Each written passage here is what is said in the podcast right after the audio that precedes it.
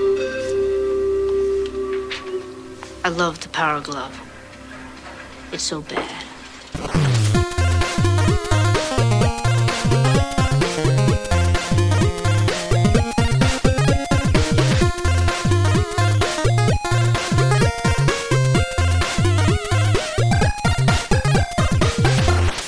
Welkom bij aflevering 25 van de Button Bashers podcast. Nee toch? 25 zeg ik. Dat moet toch 45 zijn?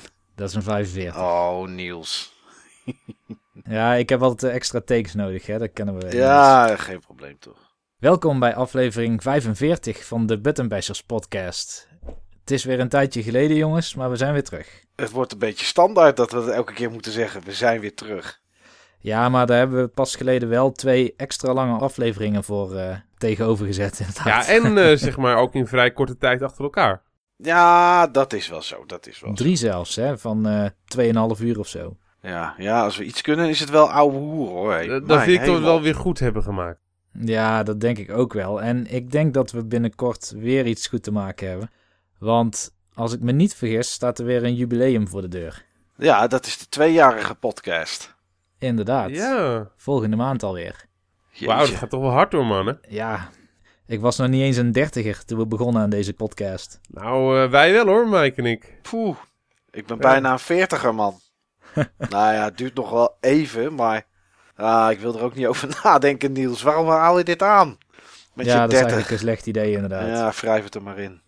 Nou, laat ik een goed idee aanhalen. We hebben nog steeds een cool forum draaien en daar komt als het goed is binnenkort een hele grote update voor. Ja, dat moet nu weer kunnen, nu carnaval achter de rug is en eh, de grote man achter de update weer alle tijd daarvoor moet hebben. Inderdaad. En eh, ook lopen de retro challenges weer. Ja. Dus ja, gelukkig wel, gelukkig wel. En ik wil ook weer eh, vaker mijn neus laten zien, eh, mannen. Dat is, niet al, dat is althans wel de intentie.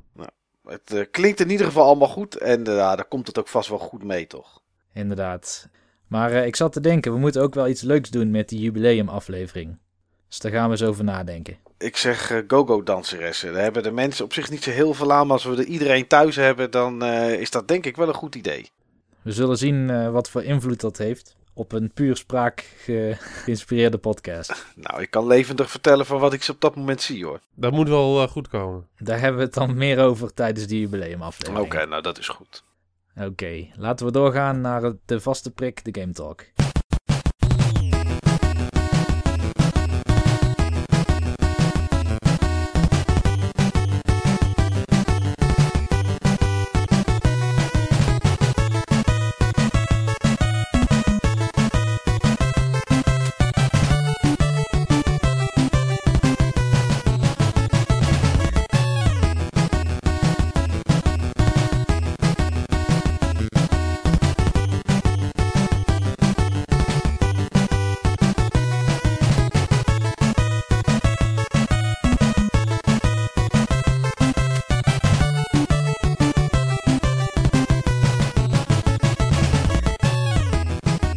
Ja jongens, met zoveel tussentijd hebben jullie vast veel gespeeld.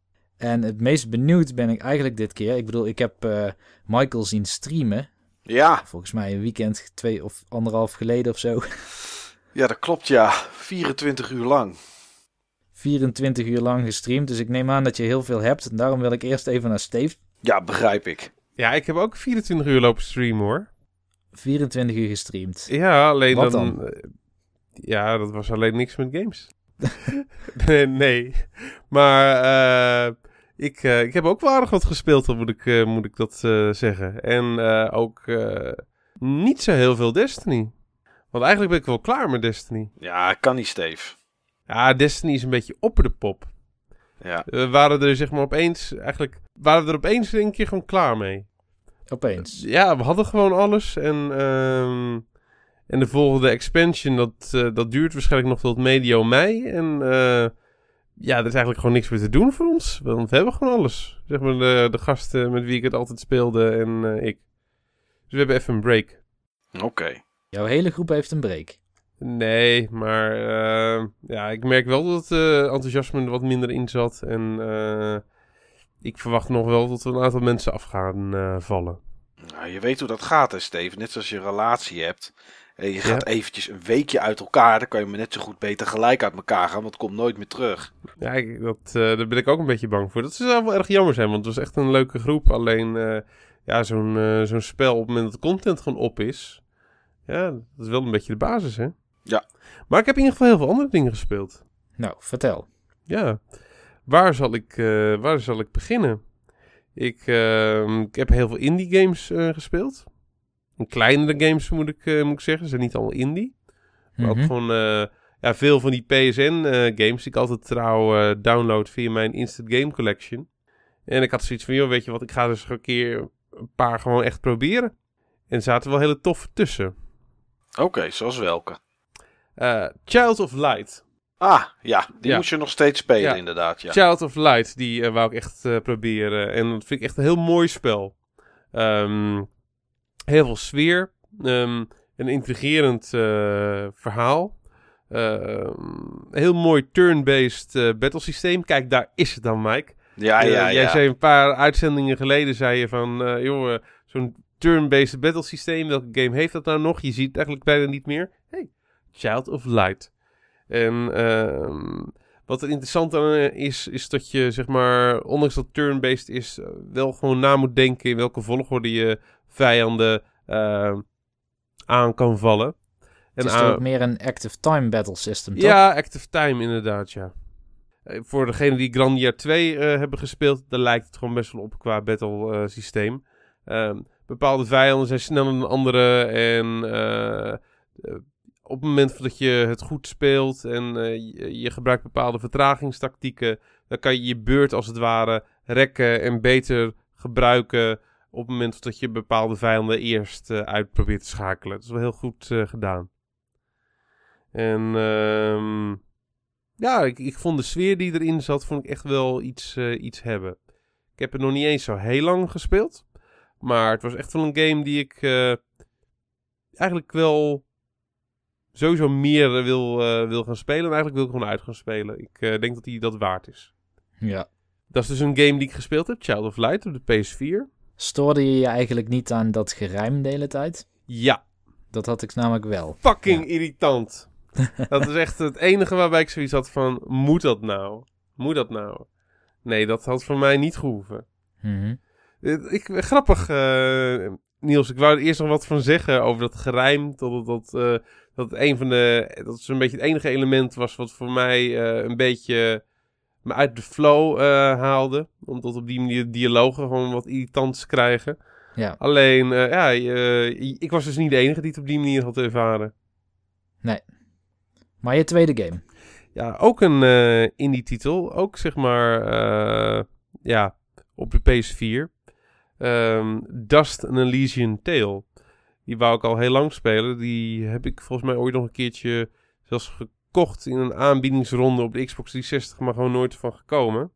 En die ben ik nu eens gaan spelen. En volgens mij had jij hem laatst ook gespeeld, eh, Niels. Eén van jullie twee had hem laatst gespeeld. Ik, heb hem, eh, ik heb hem ook een tijdje geleden aangezet. Nee, ik niet. Nee, dat is Michael was geweest. Jij was volgens mij niet overtuigd. eh, nee, ik Mike. vond het eh, een beetje saai, vond ik het. De, de, de, het- het- ja, ik weet het niet. De herhalende combat. eh, dat was voornamelijk volgens mij wat mij een beetje tegenstond. En ik was ook niet heel ver gekomen. Ik was in het eerste dorpje gekomen en daarna een stukje verder. En eh, volgens mij ergens bij een... eh, ja, ik weet niet eens meer hoe het in elkaar zat, joh. Mijn, mijn ge- geheugen is af en toe een beetje een zeef. Maar ik, ik, nee, ik, was, was, ik werd er niet warm van. Ja, ik vond het wel tof. Oké, ja. Kleurrijke graphics, echt coole combat. Ik vond de change die je kon maken, vond ik gewoon echt heel erg lekker spelen. Ehm, ik vond dat er aan het begin van het spel wel heel veel interrupties waren. ja, door die voice-over elke keer. Of Ja, wat? ja. ja. dat gaat maar door, het gaat maar door, het gaat maar door. En eh, op een gegeven moment laten ze je dan eindelijk los. En dan kan je even lekker spelen. En daarna gaat het weer door, gaat het weer door. Maar op het moment dat je aan het spelen bent, die combats, dat vond ik echt wel eh, heel goed werken. Beter dan ik verwacht had. Oké, nou misschien had Ik het, echt- eh, misschien had ik het iets langer door moeten spelen. Ja, ik, eh, ik was ook echt wel lekker in de mood hoor, voor, eh, voor indie-titels die dag. Indie. Ja, of nou echt indie is. Maar het zit een beetje tegenaan. Ja, kleinere titels. Weet je, het, het, zo. het is ja. soms lastig, want dan wordt het wel door een kleine studio gemaakt. Of door twee of drie mensen, of weet ik wat. Maar dan wordt het wel door Sony bijvoorbeeld uitgegeven. Of zoals bij de Xbox One door eh, ID at Xbox. En dan ja, krijgt het net even iets meer jeu, krijgt het dan eh, krijgt Ja. het mee. Ja. Maar dat vond ik in ieder geval een eh, ja, goed en vermakelijk spel. En wat ik juist een beetje tegen vond vallen, waar ik zelf juist meer, veel meer van had verwacht. Guacamole. Guacamole. Guacamole, ja. vind je die niet leuk? Ja, ik, ehm, ik vond hem minder leuk dan in ieder geval Child of Light en eh, Dust and Elysian Tale. Ik vond hem gewoon minder lekker spelen. Oké. Ja. Ik vind de stijl die, er, eh, die die game heeft, dat vind ik wel echt heel erg mooi. En eh, ook weer heel erg sfeervol. En ook best wel eh, uniek. Het Ja. sfeertje, dat is ook gewoon hartstikke goed. Alleen ik vond hem in vergelijking met die andere twee titels gewoon minder spelen. Oké, nou ik vond het, ik heb het op PC gespeeld. Ehm ja, ik vond het wel grappig eigenlijk. Wel eh, een beetje, klein beetje humor erin, eh, wel leuke combat, eh, ja, veranderen in een kip, dat soort dingen allemaal. Wel even net iets anders vond ik het. Ja. Nou, misschien moet ik nog gewoon even een kans geven. Ik wou toen die dag gewoon heel veel dingen uitproberen. Dus ik had ook een beetje zeg maar een tijdslimiet bij alles. Misschien ja, dat ik als ik nog een keer zou spelen dat ik er anders over zou denken. Maar dat was toen een beetje mijn gevoel. Heb je niet, eh, ik- omdat je al die games zit te spelen, de Swapper gespeeld? Nee, Hm, Oké. ik heb niet de Swapper eh, gespeeld. Ik heb nog wel twee andere titels zitten spelen. En die wil ik ook allebei eventjes noemen. Eh, games die absoluut niet onder de titel indie vallen. En die ik allebei echt super tof vind. En dat zijn ook de twee games waar ik, waar ik nu echt mee verder ga van, eh, van dit rijtje games. Die andere die komen ook nog wel, maar dat is iets later. Ehm een van deze games vond ik echt helemaal mind-blowing. En dat is een game waarvan ik denk dat jullie alle twee er niet zoveel mee zullen hebben. Dat is The Wolf Among Us. Nee, daar heb ik inderdaad niet zoveel mee. Nee. En eh, dat was wel gewoon echt een game die ik qua verhaal en met name gewoon qua karakters had ik echt zoiets van what the fuck. Ik weet niet eens waar het over gaat, maar het zal wel weer zo'n smerige Telltale game zijn. Dat is het. eh, dat is Ah, zo'n kijk. Telltale game en zo'n Telltale game die zich afspeelt in een eh, in de wereld van een strip van een eh, strip van DC, de strip Fables, waarin je allemaal eh, ja, sprookjesfiguren en figuren uit mythes en sagas hebt die, eh, die in een eigenlijk ja, een soort met van buitenwijk van New York eh, leven en ehm, ja, proberen geheim te houden van dat ze zeg maar in de echte wereld nu met z'n allen eh, zitten. En je hebt zeg maar ook eh, een van die karakters, Big Bad Wolf, Big B Wolf. En Big B, dat is zeg maar de, de sheriff. En die probeert zeg maar de, ja, die probeert daar de kalm te bewaren en op iedereen te passen. En dat is eh, ja, een beetje lastig op het moment dat er ook nog een seriemoordenaar eh, tussen die eh, karakters rondloopt. Ja. En het sfeertje van die game, die vond ik echt helemaal, helemaal briljant. De karakters vond ik echt helemaal briljant. De, de, de manier hoe het verhaal zich ont, ontvouwde, heel erg spannend. Echt, Heb je alle episodes, heb je hem helemaal uitgespeeld? ik ben nu met de tweede bezig. Tweede episode, oké. Ja, Zijn er vier of vijf geloof ik hè? vijf. Vijf, ja. Vijf. Ja. Ja. Maar direct naar die eerste episode. De manier hoe die eindigt, zonder in spoilers eh, te vervallen. Ik had echt zoiets van, what the fuck? En ehm, ja, ik moest gewoon weten van hoe dat verder ging. En eh, ja, het, ehm, het raakte me. Het greep me. Het was gewoon echt een game waarbij ik het eh, gevoel had van... dit zit verhaal technisch zo cool in elkaar. Hierbij moet ik gewoon weten van wat hier aan de hand is. Oké. En het is en blijft gewoon een Telltale game. En alle dingen die je eh, kan zeggen over Telltale games, die, eh, qua negatieve dingen, die zullen ongetwijfeld ook gelden hier. Al heb ik nog niet gezien of alle verhaallijnen op, de, eigenlijk op dezelfde kruispunten uitkomen. Ik vermoed van wel, want dat gebeurt in Telltale games. Maar ehm, tot nu toe vind ik hem zeer de moeite waard. Oké. Ja, Ja. Had jij die ook gespeeld, Michael? Nee, nee, nee, nee. Ik eh, heb wel iets anders op mijn lijstje staan wat ongeveer in de buurt komt. Maar nee, ik, ik, ik kan het niet, joh. En ik zal straks ook wel uitleggen waarom. Oké. Maar je had nog één titel, zei je, Steve. Ja, ik had nog eh, één titel. En ehm, dat was ik van tevoren al vrij overtuigd dat ik dat een hele toffe game zou vinden. En dat bleek absoluut te kloppen. Ehm, al deze games die heb ik gespeeld op mijn PS4. De PS4 is toch al het apparaat waar ik eh, eigenlijk vanaf september vrij exclusief op gegamed heb. Maar dat heb ik nu eh, doorbroken met een eh, Wii U-titel. En eh, ik denk dat jullie me goed genoeg eh, kennen om te weten welke Wii U-titel dat is. Dat kan er maar één zijn. Ja, die inderdaad. Ja, Captain Toad's Treasure Tracker. En wat een leuk spel is dat. Het is gewoon leuk. Het is gewoon leuk. Ik word er vrolijk van. Juist. Ja, ik, eh, ik vind dat er veel variatie in eh, de puzzels eh, zit. Ehm, meer dan ik had eh, verwacht. Je wordt toch wel steeds net even getriggerd om op een andere manier eh, te denken. Ja, de basisoplossingen zijn altijd wel een beetje hetzelfde. Kijk, hoe je het ook bent verkeerd. Je moet gewoon draaien, draaien, nog eens draaien. En gewoon denken in eh, drie dimensies. Maar ja, dat is bij meer spellen zo. En ja, ik vind het gewoon een hele leuke, tof spelende game. Maar ontstijgt het nou ook echt die vernuftigheid van die leveltjes in Mario 3D World?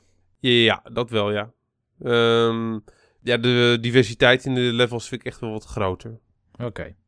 Sommige additionele challenges waar ze mee komen, die zijn nog best pittig. Elk level heb je zeg maar ook een additionele challenge. En als je die erbij wil, eh, wil halen, ehm, ja, dan moet je best nog wel even vaak je best doen. Mhm. Maar vond je niet, Steve, dat, op, dat het in Super Mario, dat, dat was, vond ik het grootste probleem met de game. Dat het in Super Mario 3D World leuk was, omdat het een afwisseling was en er niet zoveel van waren. En je daarom elke keer dacht van, oh, waren er maar iets meer levels. Maar als je nu vijf, zes uurtjes gaat zitten, heb je hem uit. Heb je niet alle additionele challenges gehaald, maar heb je hem wel uit. En dan heb je alleen maar elke keer diezelfde draai, draai, draai blokjes zitten spelen. Ik vond het op een gegeven moment echt heel erg eentonig worden. Ja, ik vond het wel meevallen. Sommige dingen, eh, sommige levels draaien meer om stealth. Andere eh, het, het ontwijken van vijanden.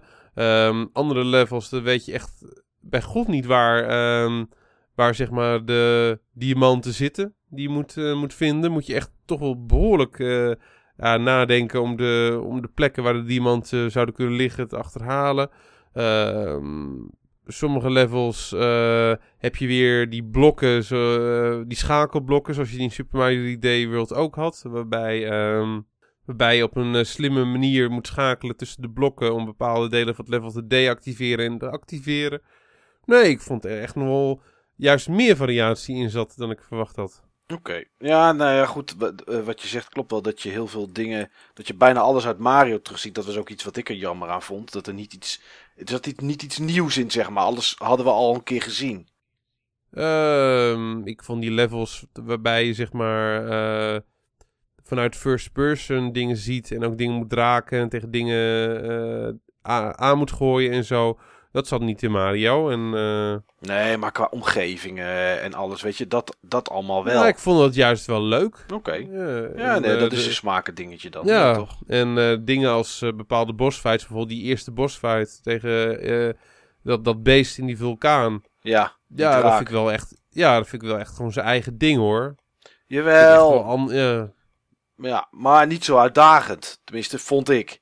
Ik vond het niet heel moeilijk. Nee, nee, het is niet heel moeilijk. Nee. Dat is niet heel moeilijk. In de, überhaupt is het spel niet zo heel moeilijk. Nee. Eh, in principe zijn eh, de, de puzzels altijd voor de hand liggend. Eh, het aantal oplossingen is natuurlijk gewoon maar beperkt. Ja. Alleen eh, zit het echt wel tussen waarbij ik echt zoiets had. Waar ligt die tweede diamant dan, damn it? ja, je weet gewoon dat die ergens tussen de eerste en de derde moet liggen. En je hebt de eerste en de derde. Maar toch vind je het niet. Nee, maar ja, goed. Weet je, loop je het leveltje gewoon uit. Je hebt er in die andere toch genoeg verzameld. Ja, maar dan moet ik hem eh, ook gewoon... eh, Ik ben zo, dan moet ik hem gewoon ook hebben. Ja, in de eerste paar levels heb ik dat wel. En daarna denk ik, ah, weet je. Jammer joh. Door naar de volgende. Maar goed. Ja. Nee, ik, eh, het is ieder geval een spel wat ik iedereen kan adviseren met een Wii U. en zoveel is de laatste tijd niet uitgekomen en gaat er de komende tijd ook niet uitkomen. Dus doe je je voordeel mee, zeg ik. Ja, bij gebrek aan beter dus. Ja, ja. En dit is eigenlijk wel wat ik, ehm, wat ik eh, qua nieuwe spellen heb gespeeld. Dan is er nog één spel wat ik heb eh, gespeeld waar ik uh, tot in de treuren, zeg maar, met name vorig jaar over heb, heb gepraat. En dat wil ik nu ook niet al te lang doen. Dat is, dat is Diablo op de PS4. Veel mensen met wie ik Destiny speelde, die zijn nu naar Diablo geswitcht. Dus dat maakt het wel weer gezellig. Al heb ik ook niet zo heel erg veel zin om er echt honderden uren in te gaan pompen. Maar ik heb wel, zeg maar, um, een moment beleefd via Diablo. Uh, waarbij ik echt zoiets had van: ja, dit, dit is next gen. En het was meer van wat er met de PS4 kon dan, uh, dan Diablo zelf.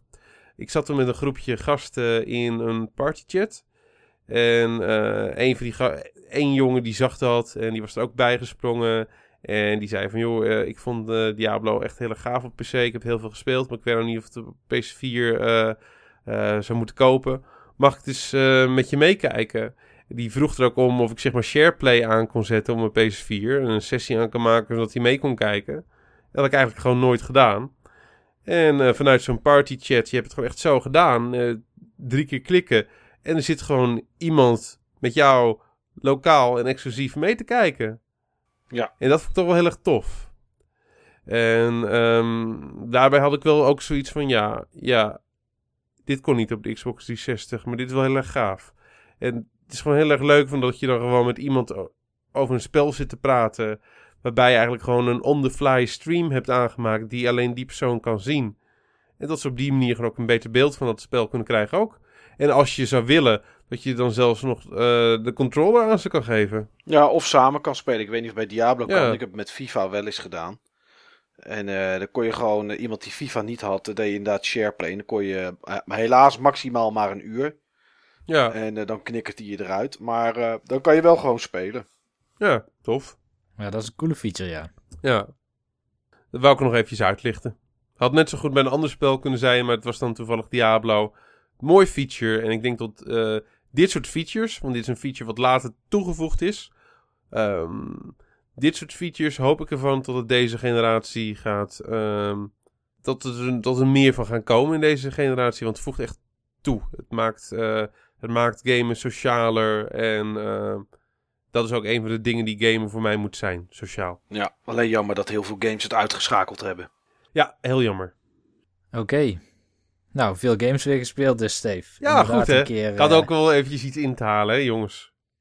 Nou, Michael. Ja. Ik neem aan dat jij uh, heel wat op je kerfstok hebt. Ja, ik heb zoveel uh, gespeeld. Daar zou ik er vier of vijf podcasts mee kunnen vullen. Uh, gewoon even een idee, zeg maar, een lijstje. Uh, ik heb, uh, net zoals jij, Niels, in de, niet de vorige, maar die podcast ervoor, vertelde Ingress ben ik gaan spelen. Of misschien ja. was het in de vorige podcast, dat weet ik niet meer. Ik heb uh, I Wanna Be The Guy gespeeld. Ik heb aan naar aanleiding van uh, Steve's verhaal heb ik ook eventjes Another World, de 21st, uh, 20, wat was het, 20, 20th edition gekocht. 20th Anniversary, ja, anniversary edition. edition. Die heb ik gekocht. Ik heb uh, South Park The Stick of Truth voor de tweede keer zitten spelen. Ik heb Super Smash Bros. op de Wii U zitten spelen. Uh, Mario Kart 8. Ik heb Life is Strange gespeeld. Dat is waar ik net uh, naartoe, uh, naartoe hintte, zeg maar. Terwijl Steven het over de Us heeft, had. Shantae en de Pirates Curse heb ik gespeeld. Ik heb Citizens of Earth heb ik gespeeld op de 3DS. Ik heb uiteraard The Order gespeeld. Evolve. de Swapper. D4. Apotheon en Evolve. En zoals elke dag nog ook wat Hearthstone tussendoor. Dus ik heb eigenlijk enorm veel gespeeld. Inderdaad. En dan ben ik vast ja, je, nog heel veel vergeten. Je, weet er nog zat, dus vertel maar wat over allemaal. Ik heb ook nog Puzzles and Dragons heb ik illegaal. Want dat kan je natuurlijk niet uit, uh, uit de Play Store hier halen. Dat heb ik uit de mm -hmm. Japanse Play Store wat, wat is dat dan, Puzzles and Dragons? Puzzles and Dragons, dat komt in mei naar de 3DS met Mario erbij. En het is een soort uh, RPG-achtig iets waarbij je ja, moet puzzelen met, uh, met edelsteentjes. Die moet je bij elkaar brengen om uh, setjes van vier of vijf te maken. En aan de hand van de kleuren die je bij elkaar brengt, ben je met een soort party op, op stap. De een heeft earth damage en de andere fire en, en water. En aan de hand van de kleuren gems die je bij elkaar doet, doen ze dan damage tegen de tegenstanders. En dan doe je een soort RPG spelen, maar dan met uh, puzzelelementen erin. Ja. Klinkt wel leuk. Ja, is best grappig. In eh, Japan wordt er geloof ik 1 of 2 miljoen dollar, of misschien zelfs nog wel meer per dag aan verdiend. Mensen zijn er helemaal lijp van en die kopen allemaal jams en, en eh, spullen om eh, door te gaan als ze af zijn. En, dat soort ongein allemaal. Dat is, eh, ja, is daar een mooie melkkoe. Eh, ja, waar ga ik iets over vertellen? Ja, Super Smash Bros. voor de Wii U wil ik wel iets over vertellen. Ik snap het niet. Ik snap die game niet. Ik kan het niet en ik snap het niet. En ik snap ook niet wat mensen er leuk aan vinden. Ik weet niet of een van jullie het gespeeld heeft. Ja, ik. Ja, oh ja, tuurlijk. Jij, eh, Niels. Ja, ik had het ook al bij, bij de voorgaande delen of zo hoor. Maar Mhm. ik snap gewoon wat ik mis. En dan zal ik wel weer zo'n ouderwetse fighter figuur zijn. Ik mis gewoon een set met moves. Ik zat te spelen samen met, met, met een van de jongens op de stream. Ik zeg, ja, maar ik snap gewoon niet wat ik doe. Ja, maar er zijn niet zoveel knoppen. Eh, als je hierop drukt, dan doe je, je je smash move of zo, weet ik veel hoe het heet. En dan sla je iemand Mhm. buiten het veld. En dan kan je nog naar links of naar rechts drukken voor een ander soort move. En heb je nog een andere knop. En dan doe je ook naar links of naar rechts ingedrukt houden en een move. En heb je nog één, één knop of zo om vast te pakken. En dat is het. Maar als ik dan zit te kijken en ik zit een beetje op die knoppen te proberen en te testen. Zie ik elke keer een ander soort move. Ik heb het gevoel dat die personages gewoon random maar een move doen. Nou, dat is niet zo.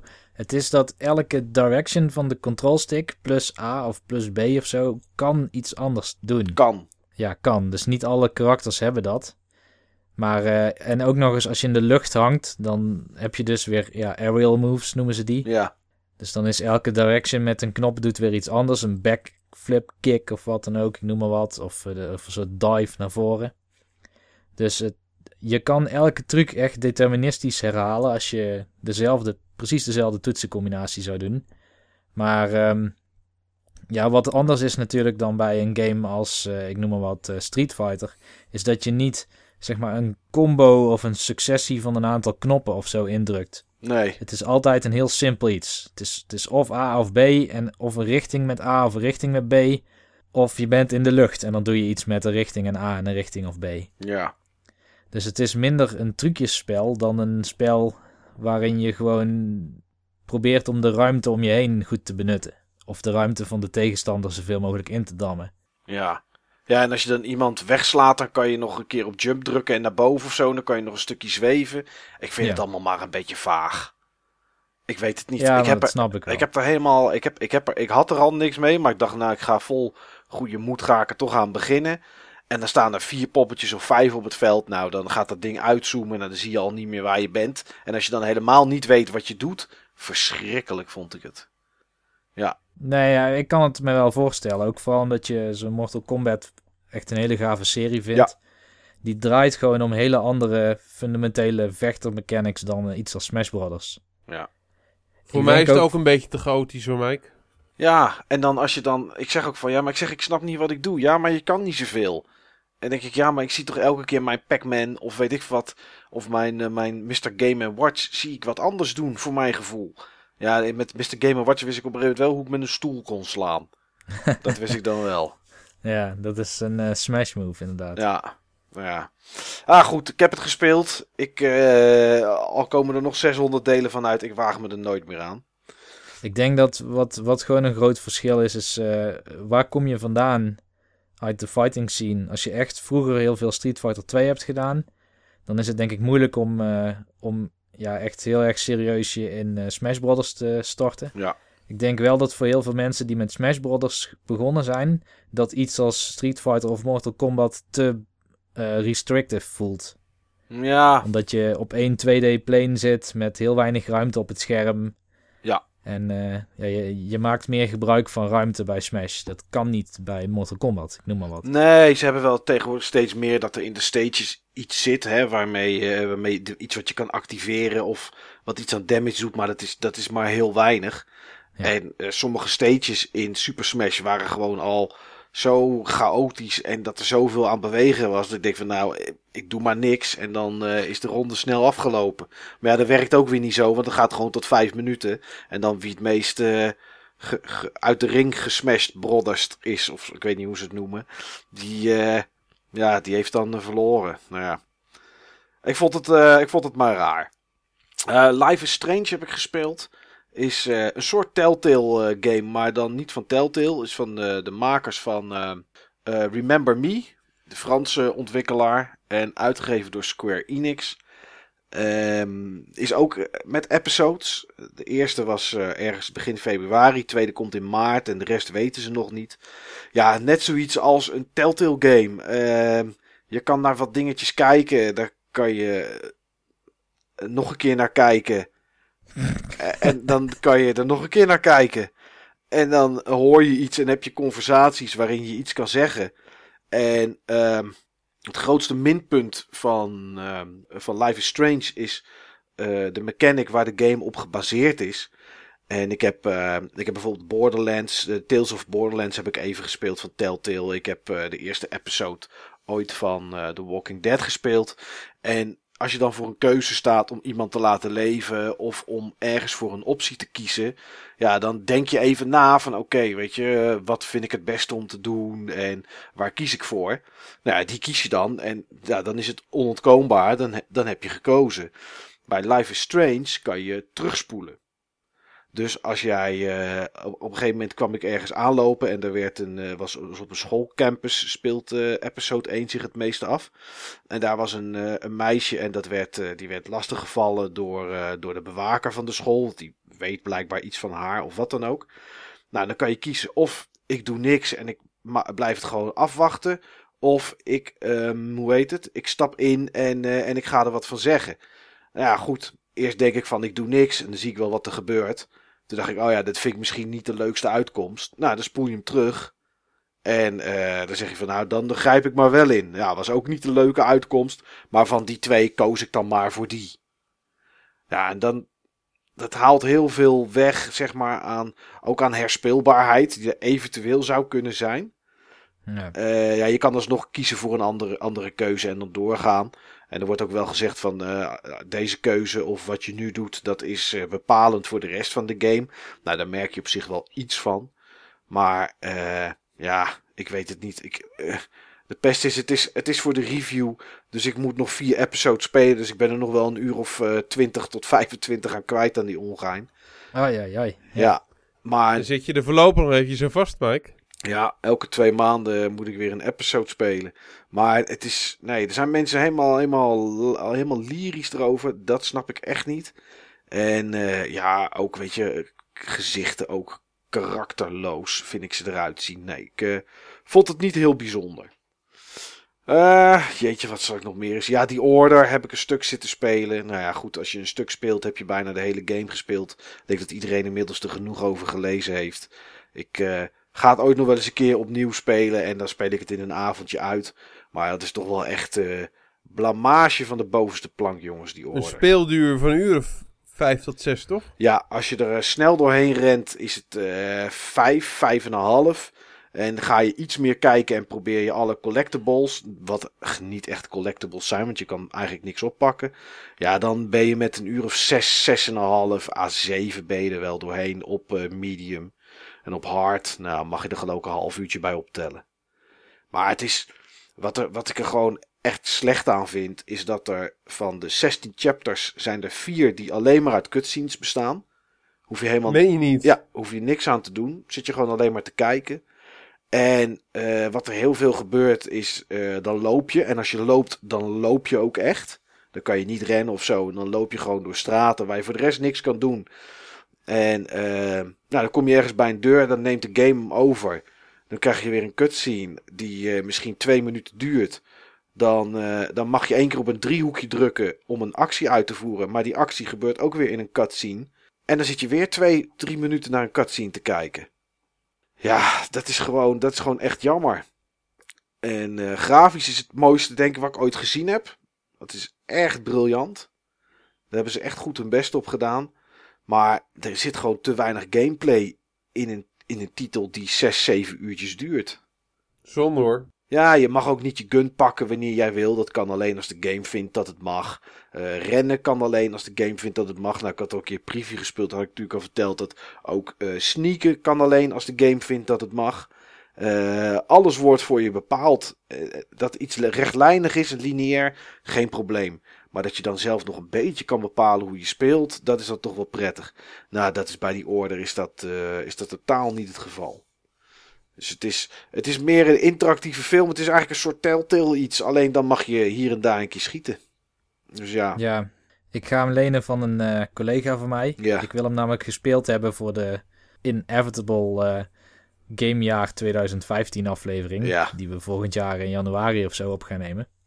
Dat wordt de Drive Club van 2015 volgens mij. Ja. Om andere redenen. Nou ja, ik zou hem nog Drive voor 2014 noemen. Want in 2015 krijgen we niks meer. Ook die PS Plus versie niet, eh, zoals het er nu naar uitziet. Nou goed, Eh, dat heb ik gespeeld. Citizens of Earth heb ik gespeeld. eh, RPG op Wii U en 3DS. Nou ja, een beetje matig vond ik het, moet ik heel eerlijk zeggen. Eh, ja, e- enige grote wat ik nog gespeeld heb is Evolve. Eh ben ik ook niet zo over te spreken. Het is, eh, de, de content is, nou, is net zo ongeveer als, eh als Steve zijn Destiny. Alleen daar zit dan nog net iets meer in. En de game leunt te veel op samenwerking tussen mensen die elkaar niet kennen. En ja, er is geen enkel potje wat ik gespeeld heb waarbij je niet medespelers weg ziet gaan uit de game. En eh, niemand praat met elkaar en dus is overleg er niet. Ja, en dan stort, zo'n stort het gewoon in elkaar. En ik ben bang dat hetzelfde gaat gebeuren straks met Fable Legends. En allerlei andere games die eh, gebaseerd zijn op eh 4 tegen 1. Nou goed, dat zullen we zien. Ja, voor de rest. Ja, Hearthstone blijf ik spelen. Al, al begin ik daar een beetje van te balen. Omdat ik niet iemand ben die kaarten koopt. En met mijn basisdeck en de kaarten die ik vrijgespeeld heb, kom ik tot rank 15. Eh, nou, dat is op zich redelijk. En dan speel je dus tegen mensen die twee of drie legendaries in hun deck hebben. En ik heb er gewoon nul. En eh, van de week speelde ik tegen iemand die eh, wel allerlei legendaries had. En een, een, kennis van mij, die gaf ik redelijk klop. Ik geloof dat we uiteindelijk op 4-3 kwamen in potjes.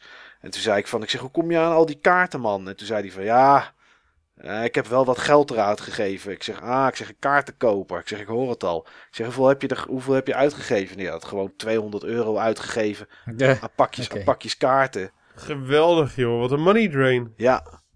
ja, ik snap het wel hoor. Ik snap wel dat als je er eenmaal aan begint, dat het heel lastig is om, eh, om dat te stoppen.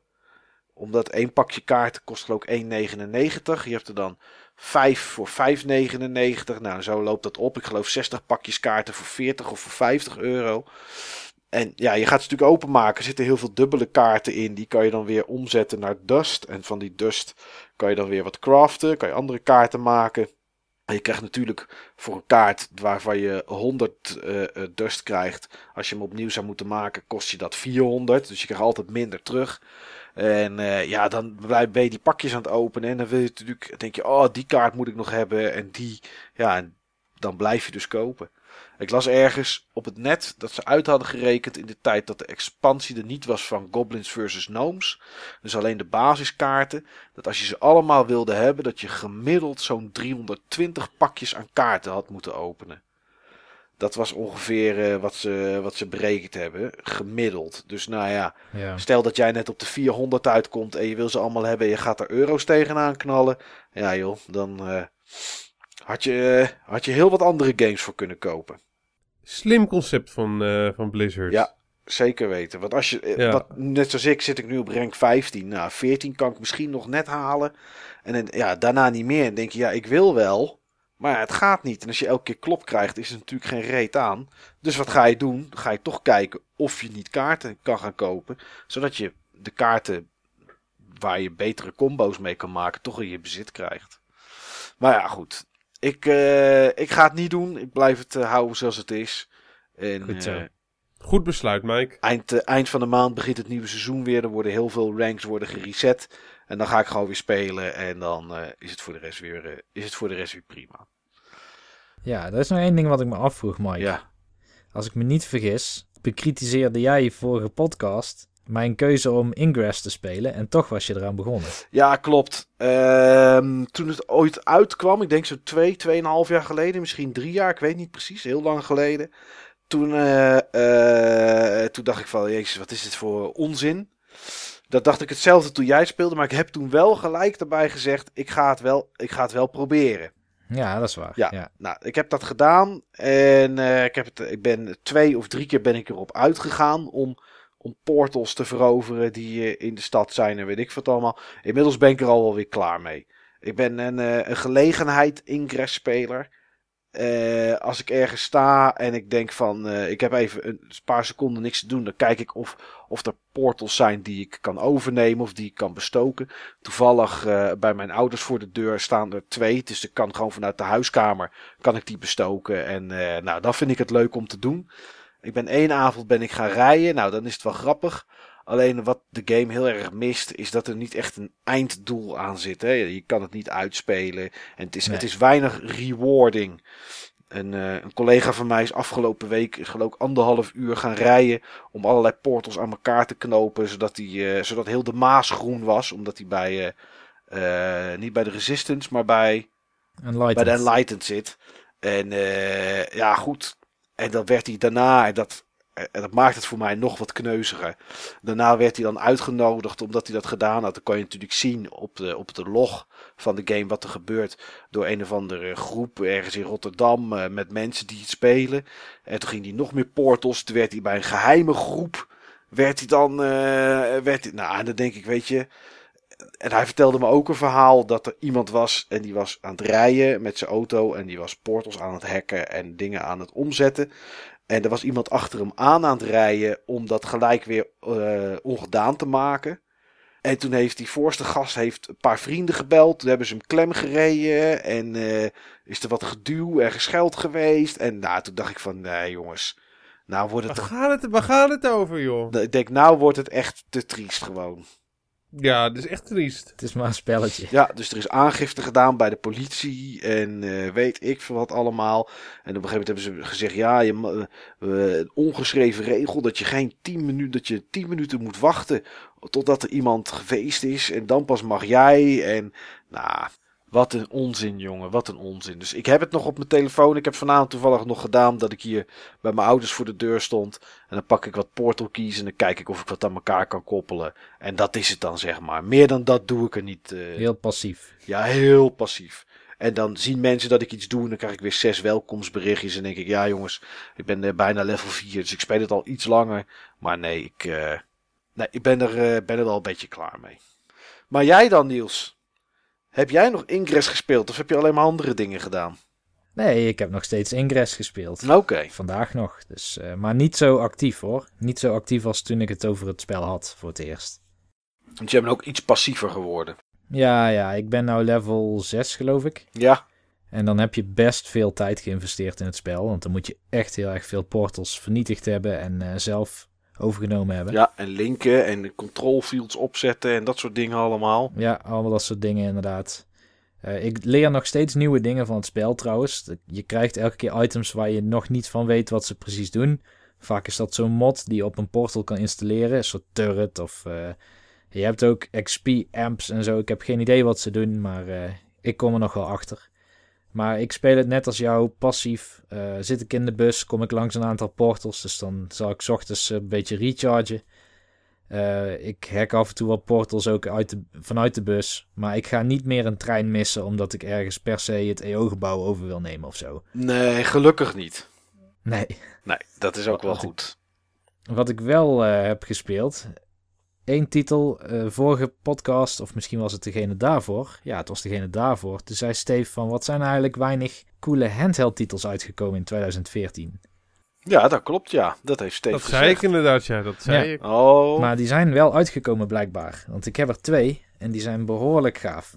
Oké, vertel. Daarvan ga ik het er nu in ieder geval over één hebben. Ja. En dat is Kirby's Triple Deluxe. oh ja. Ja, en kijk, Kirby is nooit echt een hoogvlieger geweest, als je het mij vraagt. Hoewel die wel zweeft natuurlijk. Ik heb Kirby games altijd wel leuk gevonden. Dus eh, Epic Yarn, wel leuk.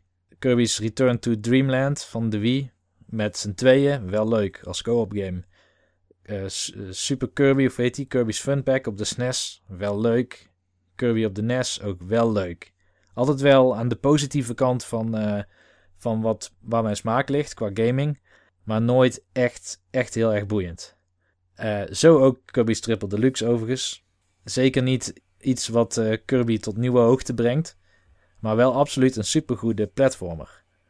En ehm, heeft iemand... eh, had jij hem gespeeld, Michael? Nee, ik heb wel de code voorbij zien komen, maar ik heb het eh, lekker doorgegeven aan iemand. Ik had er niet zo'n zin in. Ik ben, ik ben geen Kirby-fan. Nee. Is dit dat ding waarbij je die lijntjes moet maken? Nee, dat was Canvas Curse op de DS. Oh ja. Waarvoor overigens ook weer dit jaar op de Wii U, geloof ik, een titel komt. Ja, maar een, down, Maar da- ja, een downloadable eh, titeltje wordt dat als het goed is. Ja. Maar Triple Deluxe is gewoon echt weer een platformer. Maar die was er toch al eerder op de, op de Wii? Nee, dat was Return to Dreamland. Oké. Dat is een andere. Triple Deluxe is echt een, echt een nieuwe. Met eh, vrij hoge productiewaarde. Eh, net geen Donkey Kong Country Returns, maar wel daar in de buurt. Ik vind hem ja, een beetje vergelijkbaar misschien met eh, Super Mario 3D Land qua productiewaarde. Oké.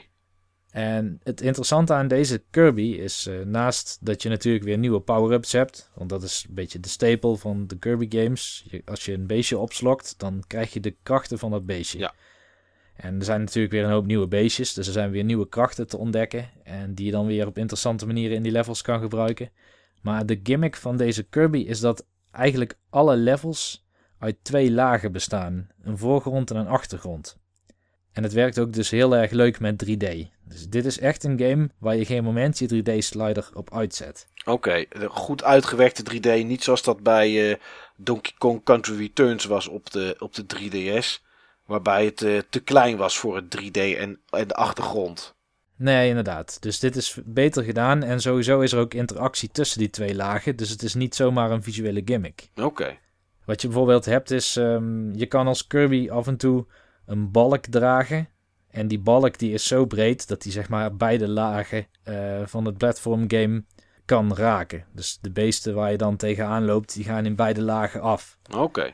Soms heb je, heb je een kanon bijvoorbeeld op je hoofd en die schiet naar de andere laag. En dan moet je daar dingen zo raken dat er dingen bijvoorbeeld instorten, waardoor op jouw laag weer iets unlocked wordt, een doorgang in één keer eh, zichtbaar wordt. In ieder geval allemaal wel, wel leuke dingen, ook met tilt. Of, ik heb altijd een hekel aan die gyrosensor minigames en zo die je op de DS vaak had. Ja. Vind ik afschuwelijk. Echt afschuwelijk. Ik werk Ja. meestal voor geen fuck. Nee, ja, ik, ik moet zeggen dat ik ze in Kirby's Triple Deluxe best wel aardig vind. Ze zijn er ook niet zo vaak. Ze zijn er maar af en toe. Maar je hebt, ehm, je hebt af en toe van die, van die games waar je bijvoorbeeld een, eh, een lont ergens aansteekt. En dan heb je een blok en dat verschuift aan de hand van jouw gyrosensor. Eh, moet je zo snel mogelijk, voordat eh, het vonkje naar de bovenkant van het lontje is, moet je dus ergens anders naartoe gegleden zijn met dat blok. Om daar weer iets aan te steken.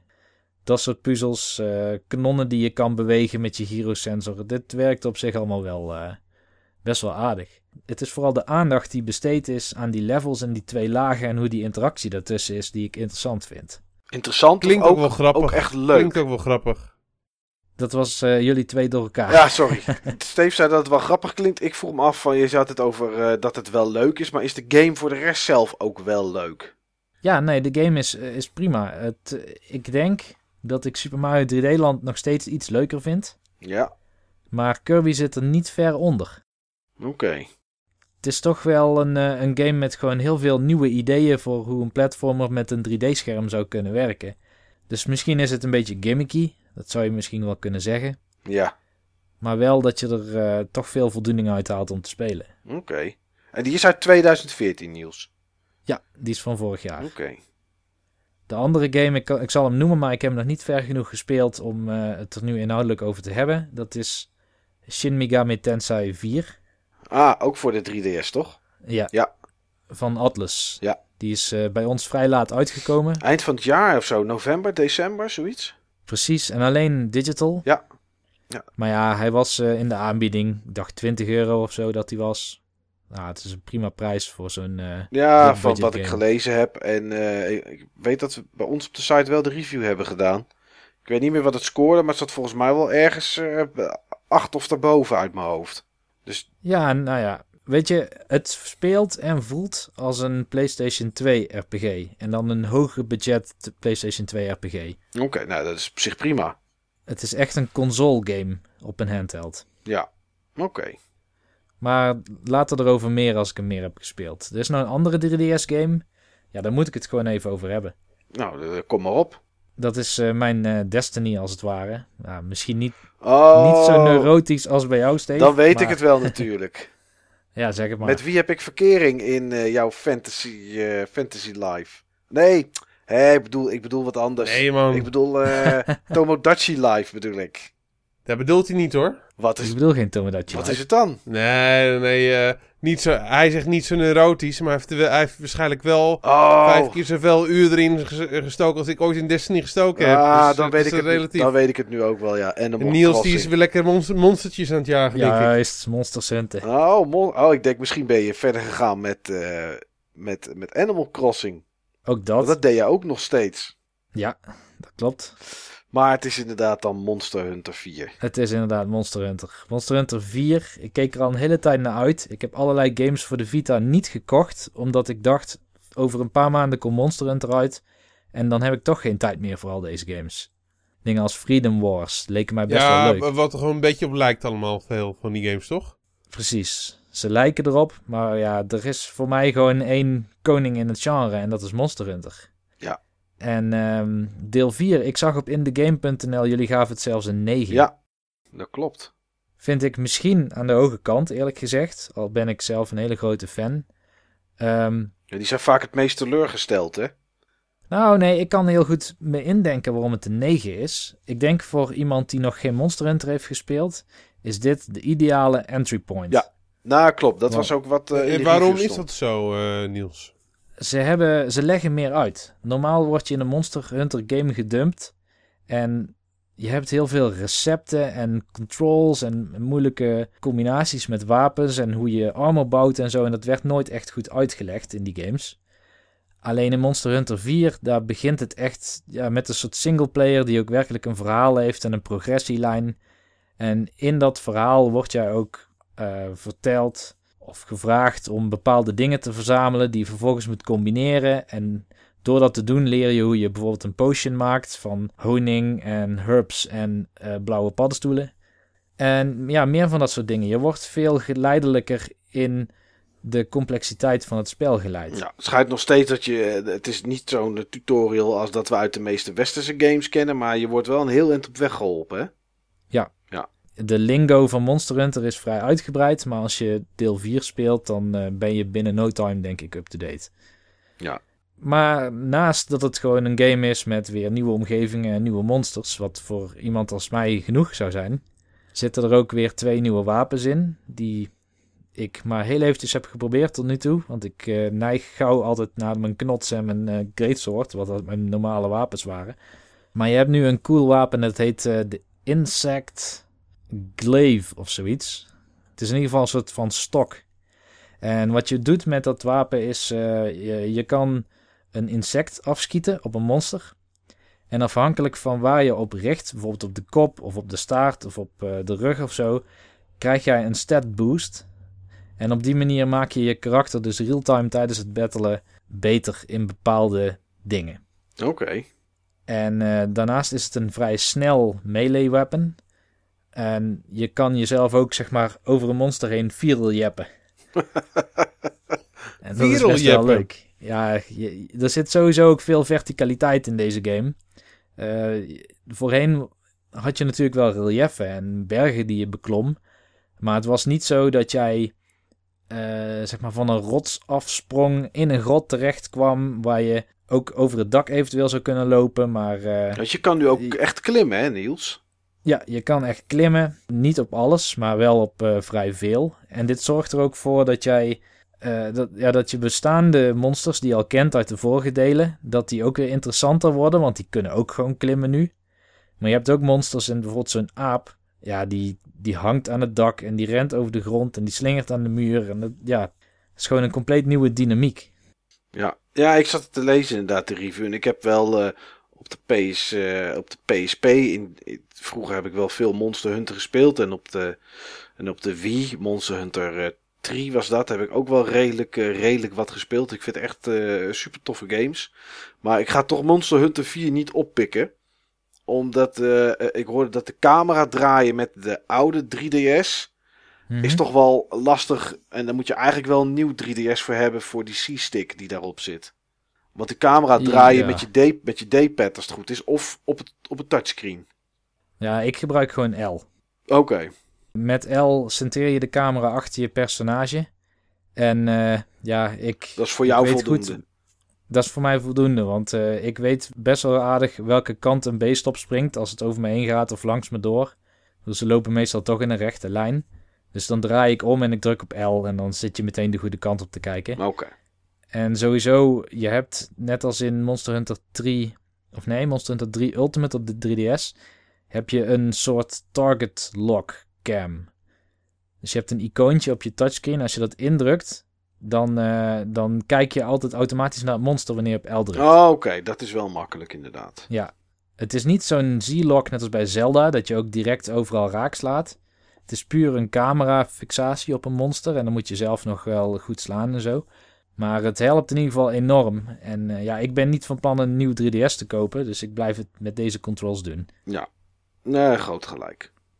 Ja, dan zijn er nog twee dingetjes die ik even snel nog aan wil stippen. Om weer wat retro gaming de wereld in te vliegen. Ehm, ik was afgelopen weekend bij Motherbrain van ons forum. En, Oké. eh, Netrunner Leuk. was er ook. Ja. En we hebben natuurlijk veel bordspellen gedaan, want dat was eigenlijk het idee. Dat doen we vaker. Dan gaan we met z'n drieën twee dagen lang bordspellen spelen. En dan Arkham Horror, eh, dat soort lange spellen. Maar ehm, heel eventjes hebben we ook twee NES-spellen gespeeld. Drie NES-spellen zelfs gespeeld, maar er zijn er twee die ik even uit wil lichten. Eén was eh, Crash and the Boys Street Challenge. Zeg me helemaal niets.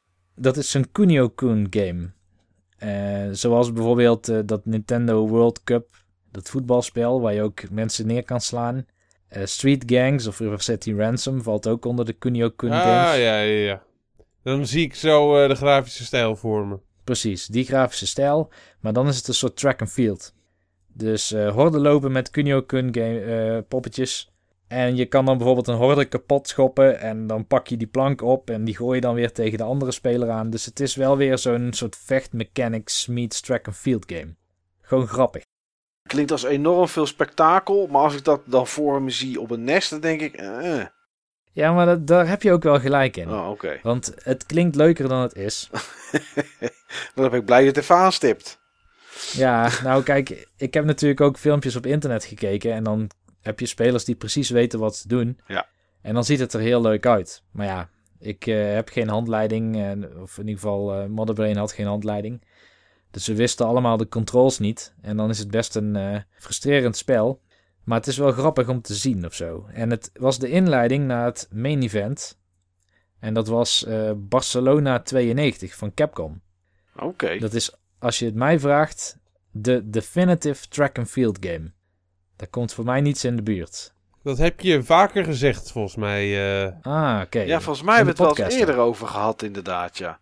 Dat is die game met die, eh, met die 400 meter relay sprint. Waar je een minuut of zes eh, te, zit te buttonbashen.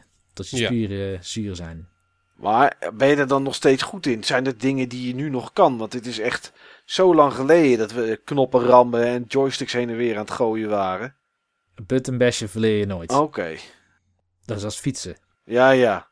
Nou, heb ik ook al heel lang niet meer gedaan. eh.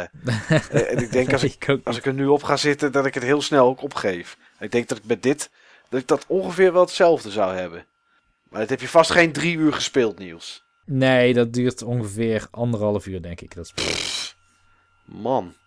En dat kan met z'n achten. Nou, dan zou het echt zes uur duren, denk ik. Oh, het is ook nog eens om en om. Met z'n drieën. Veel onderdelen zijn om en om, inderdaad. Oh ja. Ja, dan snap ik wel dat je anderhalf uur bezig bent. Maar het is gewoon een track and field met, ik denk, een stuk of 25, als het niet meer is, onderdelen. Oké.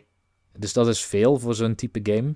Alles komt natuurlijk neer op buttonbashen. Maar eh, ja, dat is ook het leuke aan dat soort games. Je speelt echt een, een complete zomerspelenprogramma. En dat is wel leuk om te doen met eh, tot acht spelers. Ja.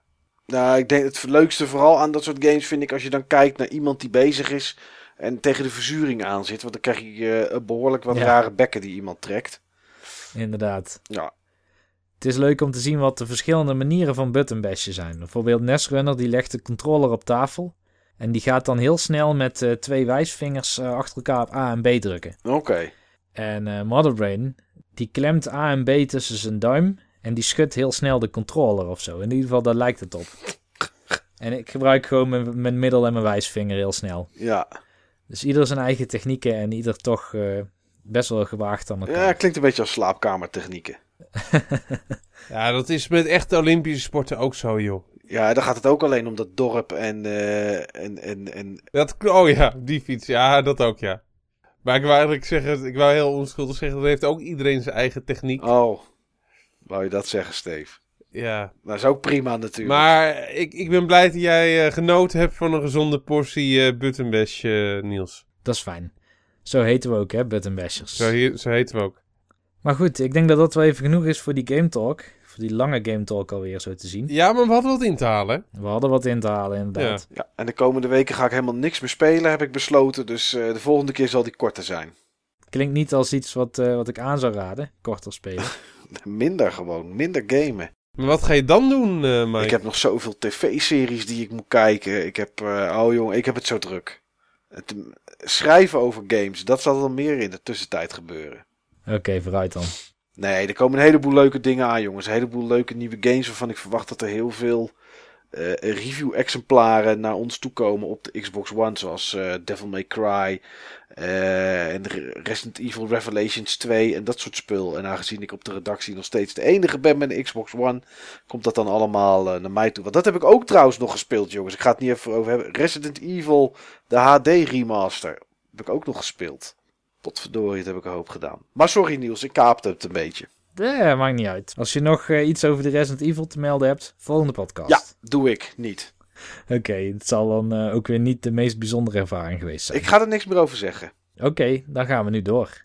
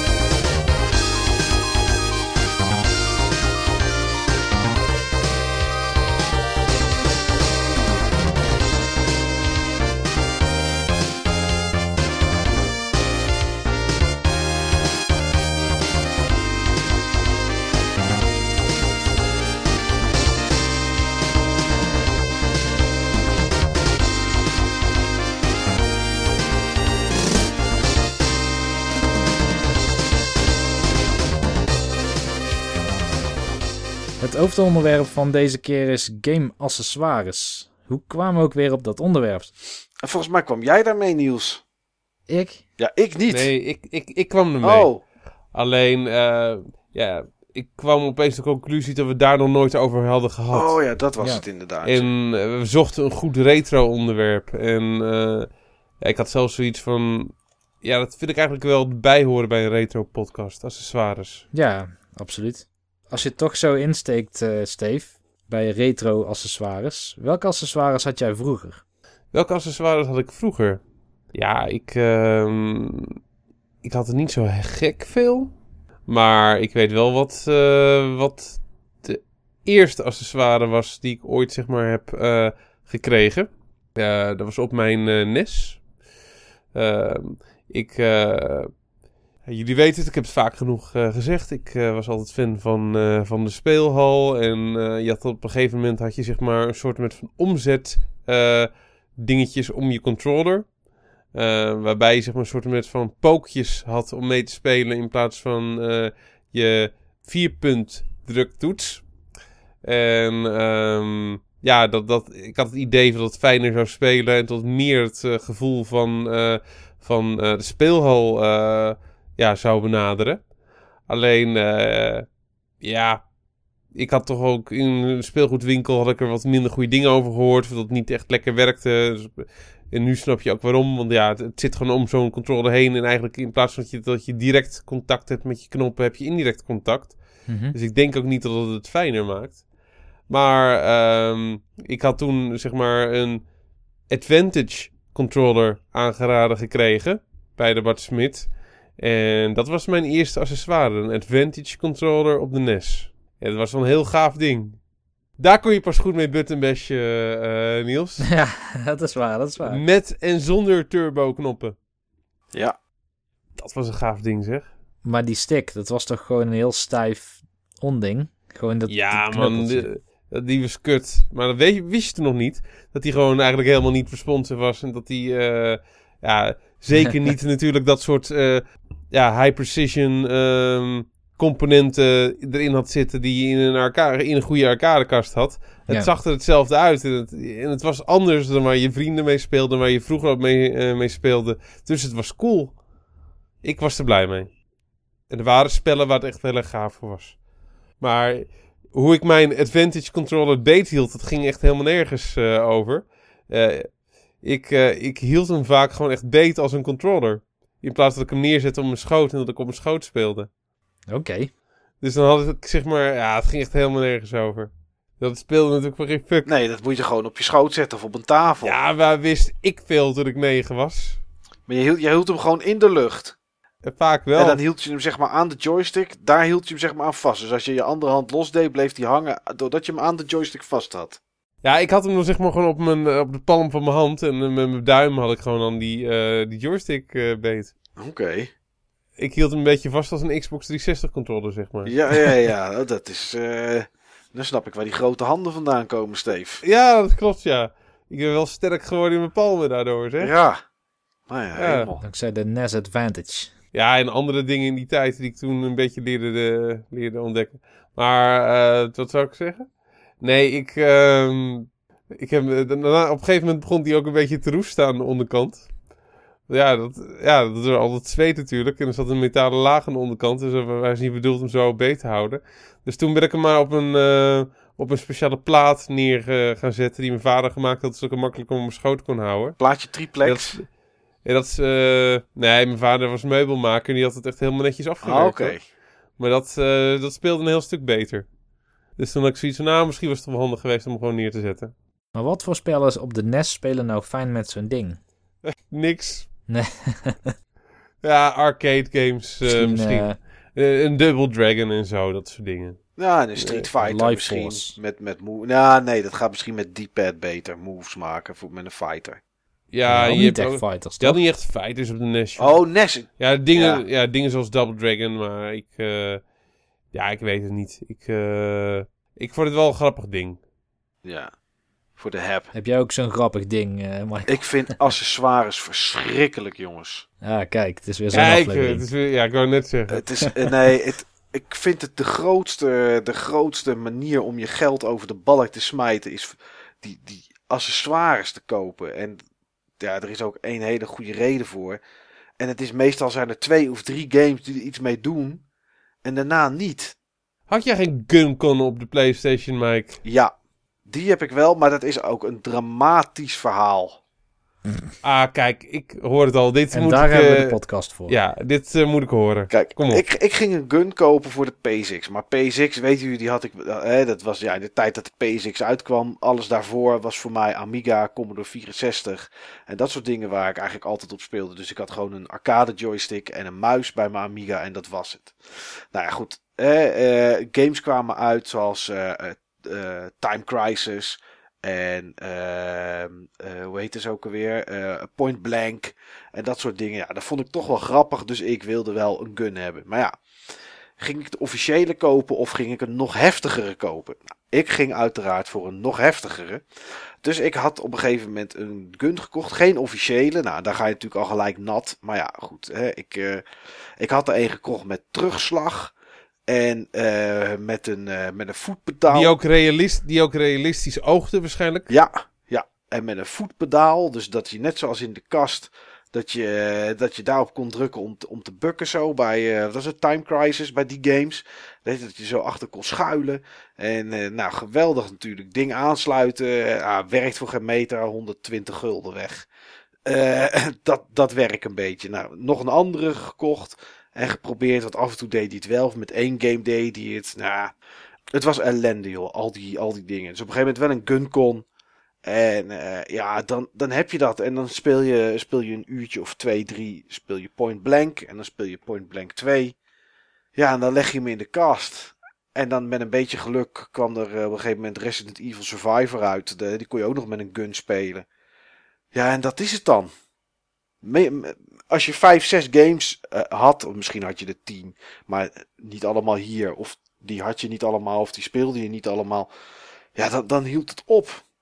En dat is eigenlijk, vind ik, met al die accessoires zo. Ik heb daarna ben ik er nog vaak ingestonken hoor, want ik heb voor mijn Dreamcast heb ik gewoon ook een, een, een gun gekocht alleen voor House of the Dead. Nou ja, goed, na, na een uurtje spelen krijg je Dat, dat was het aanbod aan gun games, zoals een beetje op Dreamcast, inderdaad. ja, Ja, precies. En dan dacht ik, op het moment dat ik het kocht, dacht ik, oh super. En dan had ik het gekocht en dacht ik, ja, waarom ook eigenlijk? Ja, goed, zo heb ik me ook ooit laten verleiden tot een, een Move voor de PlayStation 3. Nou, dat ding heb ik helemaal nooit gebruikt. En nu heb ik echt zoiets van accessoires, ik koop ze gewoon nooit meer. Kijk, de Zapper, die, we hadden natuurlijk mooi die Family Pack voor de, voor de NES. Ja, daar zat die Zapper bij. Dus iedereen had een, een NES en een Zapper en Duck Hunt en, eh, en, en Mario als standaard. Dus ja, iedereen zat te zapperen. Maar ik weet niet hoeveel games er uitgekomen zijn nog voor de NES die die, die, die zapper ondersteunen. Maar volgens mij, volgens mij zijn die ook op twee handen te tellen. In Europa denk ik een stuk of acht. Ja. Kijk, en dan zat hij erbij. Dus nou ja, goed, weet je, dan, hè, dan is het leuk. Maar ik, ik ken niemand die drie weken lang, elke dag zeven uur lang, eh Duck Hunt zat te spelen. Het is, het, is, het is allemaal net even iets te gimmickachtig. Al die accessoires. En eh, nou ja, doordat je het los moet kopen, eh, zijn er gewoon weinig games op een gegeven moment die het ondersteunen. Dus nee, ik heb een Guncon heb ik gekocht. Maar goed, eh, later, want eerst ging ik voor een realistische, eh, waarbij je onge- ongeveer je schouder uit de kom vloog als die, met die terugslag.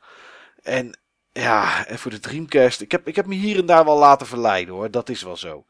Maar nee, ik, verschrikkelijk man, wat moet je met al die plastic troep. En, en ja, de Guncon was dus voor mij de eerste. Maar dat is, nou, eh, een goede, eh, wat zal het zijn? 1998, 99? Zoiets, denk ik dat het was. Dus Ja, misschien wel. ja, misschien. en eh Guncon wordt nog altijd als een hele goede accessoire gezien trouwens. Nou, het is ook. eh, ze blijven werken. Het is zeer accuraat en weet ik wat allemaal. Dus het is wel een goede accessoire. Ah, de accessoires aan zich. eh, nee, nee, ik, eh, ik ben er geen fan van, joh. Dus eh, jij wel, Niels? Heb jij eh, kasten vol met allemaal plastic rommel die ook nog eens extra batterijen slurpt? Nou, ik heb wel zo'n hele mand met van die Wii-accessoires nog liggen. Oh, toch niet van die En- plastic rommel, hè? Zo tennis. ik bedoel niet van die Zo- eh, tennisrackets en hockeysticks. Oh, en dat soort niet. dingen. Nee. Ik zag het ook voor me, hoor, Niels. nee, wat ik wel heb gekocht waren die Nyko Powershot gun shells. Voor de light gun games. Want ik heb al die light gun games als Ghost Squad en Dead Space Extraction. House of the Dead 2 en 3, House of the Dead Overkill. Die twee Resident Evil light gun games die uitgekomen zijn. Er was gewoon een fase waarin ik al die games echt dagen achter elkaar kon spelen. Ja, En daar heb ik toen die guns voor aangeschaft. waar je zo eh, waar je je Wiimote in moet klikken. Precies. Ik had er ook eentje bij eh, House of the Dead Overkill gekregen. De Boomshot of zoiets heette die. Ik weet al niet meer. Echt zo'n shotgun-achtig ding. Ja, dat was een vrij groot plastic shotgun-achtig ding. En de controller zelf klikte je in de voorkant. Waardoor je eigenlijk... Ja, dat was gewoon zwaar om, eh, om vast te houden. Nou, Het gewicht was niet goed verdeeld. ja. En daar waren die Nyko Powershots dan veel beter in. Maar als ik verder terug ga denken, de eerste accessoire die ik zelf heb gekocht was een Thrust joystick, denk ik. Oké. Voor welk systeem? Nog voor de PC. Ah, oké. Heb je een joystick of echt zo'n gamepad? Nee, een- echt een joystick. Zo, die was ook bedoeld voor van die flight simulators. Ja, ja, Ik was ja. vroeger echt helemaal lyrisch van flight simulators. Microsoft Flight Simulator en eh, Flight Unlimited heette het.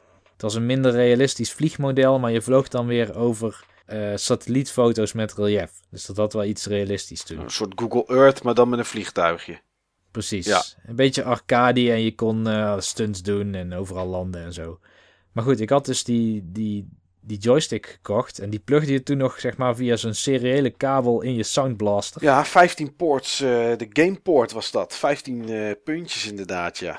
Ja, die, heb, die kocht ik toen inderdaad. En ehm, die, die heb ik denk ik één keer gebruikt. Zo, zo. Want eh, het leek me natuurlijk heel veel toevoegen voor de immersie om zo'n joystick te kopen. Dus ik had ook zo'n hele luxe gekocht. Waar je dan boven op de joystick nog een soort van stickje had. Maar ook zo'n klepje met, erop, met daarin dan een rode knop. voor als je een missel af zou willen vuren.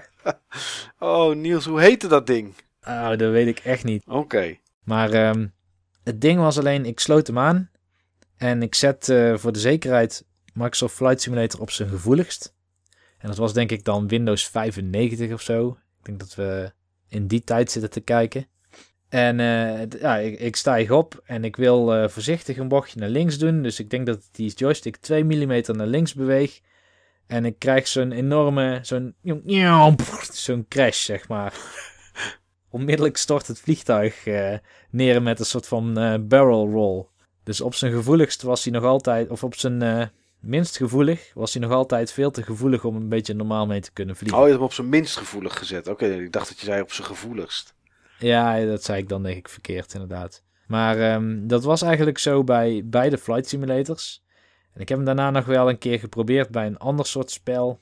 Ik weet dan niet meer wat voor spel het was, maar eh, nee, dat werd hem helaas niet. Oh, mooie aanschaf, Niels. Ja, maar wel een mooie joystick. Goed man, die accessoires. Ja. Topproducten. Ik heb trouwens ook nog, zit ik te denken, een, eh, een heus stuur met eh, versnellingspook en gaspedaal en rem gekocht. Dat zijn ook wat goede investeringen. Ja. ja. Maar let op, hè, voor welke console? Voor de Nintendo 64. Daar had je ook echt zo fucking veel goede races op. Cruise Oh, World jongen. had ik erop. Ja. Ah, geweldig. Daar moest je wel een stuur voor hebben hoor. Ja, Cruising World en Cruising USA zijn sowieso al twee van de minst goede racing games, volgens mij, die op welk platform dan ook uitgekomen zijn. Ja. Maar ja, ik, eh, ik speelde die dan nog om, om het maar Om, het- om je aankoop beetje- te rechtvaardigen, Niels. precies. Dat is toch verschrikkelijk. Ja, Ja, stuurtjes, jongen, en versnellingspoken, gaspedalen. En weet ik wat allemaal. De meest bizarre dingen heb je ook gezien. Met zuignappen op je tafel. En, en, en ook die je op je schoot kan houden. En ah, schijt toch uit, joh. Wat een onzin.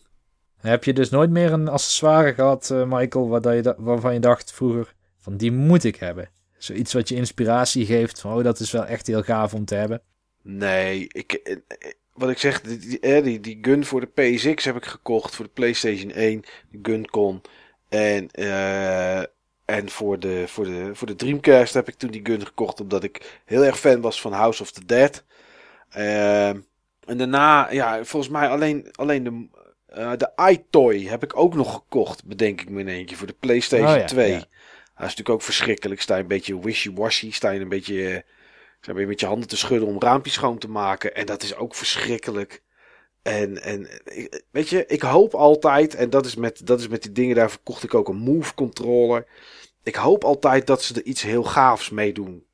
En dat er Ja. heel veel is wat er gebruik van gaat maken. Dat, zelfs bij de PlayStation 3, hoe wijs ik ook was, had ik zoiets van ja, er zal niet heel veel met de Move controller uitkomen. Maar misschien toch wel een paar games die de aanschaf dan rechtvaardigen. Maar het is gewoon nooit. Er komt nooit iets uit wat heel tof is, waardoor iedereen een accessoire gaat kopen. Kijk naar Kinect voor de Xbox 360. Dat is toch een rampending. Die heeft het wel, die heeft wel heel goed gedaan ja, maar het is hoor. toch een rampending met al die lag. Ja, dat is echt gewoon een kansloze exercitie. Ja, en nu hebben we... Maar die heeft wel goed verkocht hoor, die Kinect. Ja, tuurlijk. Omdat, omdat mensen natuurlijk zagen van... Hé, hey, je kan hè, eh. En weet ik wat allemaal voor hun kinderen. Die dachten van... Ah, ze kunnen weer springen en weet ik veel wat. Maar... Het, nee, Maar het heeft ook iets magisch hè, zeg maar het idee van games controller zonder controller. tuurlijk, dat is het ook. En ik vind die technologie ook, vind ik ook gaaf. Dus daarom eh, zou... Alleen het, het is het gewoon nog niet. Nee, nee. eh, En, Door die lag. Ja, en het is bij Kinect 2 is het een stuk beter. Er zit nog wel iets van lag in. Ja, dat kan ook bijna niet anders. Want dan moet die camera zo snel dat doorgeven aan die, aan die Xbox. Moet nog geprocessed worden. Er zit zal altijd iets van lag in blijven zitten, denk ik. Maar ja, er is ook te weinig voor, weet je. Het is, eh, het blijft, wat ik net zei, het blijft te gimmickachtig. Eh, er zijn best leuke toepassingen, daar komen straks vast nog wel op. Maar ik kan me heel slecht nog laten verleiden om iets te kopen. Neem bijvoorbeeld de, iets waar ik serieus naar heb zitten kijken, deze generatie, is de Circle Pad Pro voor de 3DS.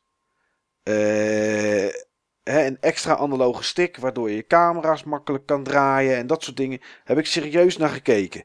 Wat doet Nintendo? Ze stoppen er batterijen in. Ja, Ja, laat maar. Dan hoef ik het al niet meer. Dat loop ik, loop ik met 3DS en een oplader loop ik op zak. En, en, en mijn oplader voor mijn batterijen of met een pak extra batterijen. Ja, Maar dat was ook echt wel een hele kansloze move hoor, om zeg maar die eh, controller te maken. Ja, maar ik, ik zag daar het nut nog van in. Ja, ik ook. Alleen, ja, het probleem is wat je ook al aangeeft bij die dingen. Er, zijn altijd, er is altijd te weinig support voor. Ja. En hoeveel games zijn er uiteindelijk geweest die er gebruik van maakten? Drie of vier? Ja, zoiets. Dat lijkt me al veel.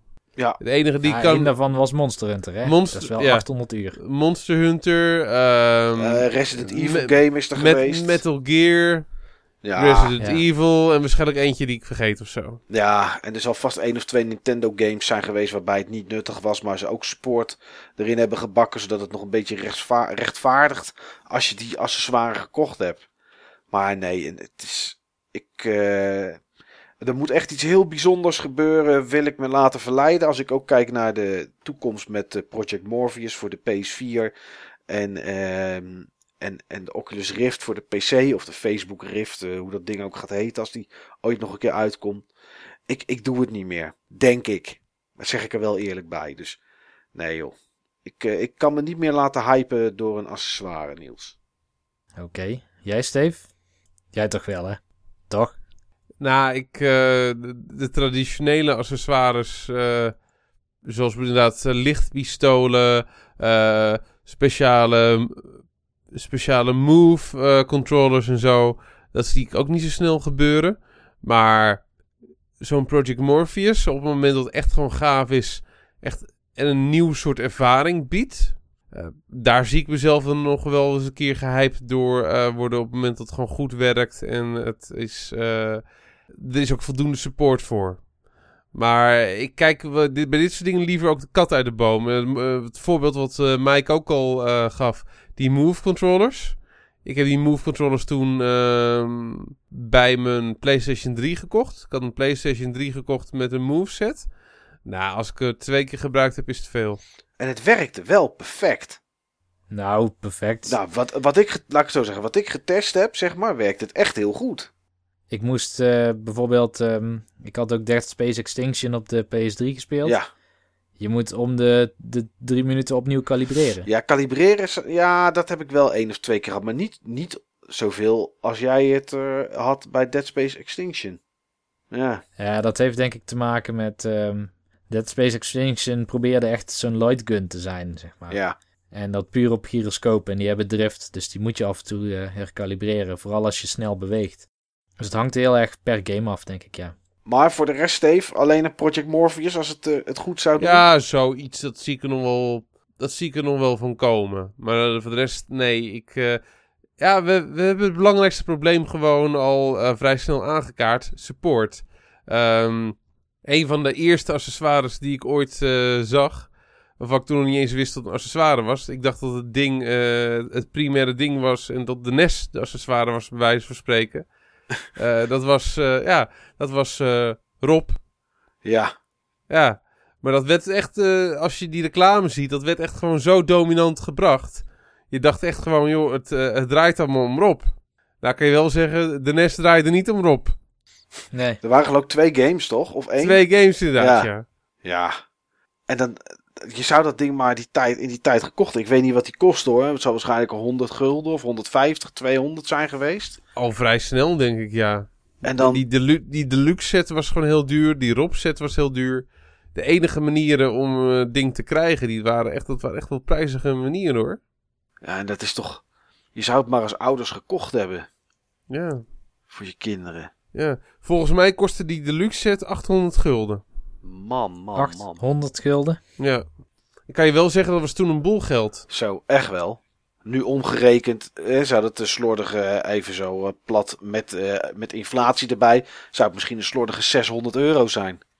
Maar misschien nog wel ik meer door de tijd ik heen. denk nog wel meer, joh. Ik denk eerder gewoon eh 800 tot 1000 euro. Ja. ja, dat is bizar. Ja. Voor een NES, een zipper en Rob. ja, waar twee games voor waren. Zat er, zat er Ja. één game bij? Stackham of zo, zat die daarbij? Ja, volgens mij zaten er die deluxe set. Ik weet het niet zeker om, maar volgens mij zaten er ehm, op een gegeven moment drie games bij. Oké. Eh, Duck Hunt, ehm, een van die Rob games. Ik weet niet eens welke van de twee. nee. En volgens mij kon je dan via met een voucher dan Mario Bros krijgen. Of zat die er ook bij of zo? Ja. Ja, ik zie hier een Maar- plaatje van de deluxe set met Rob. Daar zit eh Duck Hunt zit erbij. En eh, een zo'n Rob game met, die volgens mij met een C begint. Gyro of zo, of weet ik veel. Gyromite. Ja, Gyromite. Gyromite. Gyromite. Die zat er- Toppertje. Toppertje. En dan werkte die Rob ook 9 van de 10 keer nog niet eens. Er stootte hij al die, al die dingetjes om. Dat was echt een ellende ding, man. Maar het zag er wel leuk uit in de, recla- in de reclame. Ja, wat een held, die Rob. Ja. En, nu, en nu leg je goudgeld neer voor een Rob. Eh, in ja, doos. zeker zijn deluxe set. Ja. Wat een, wat een bagger.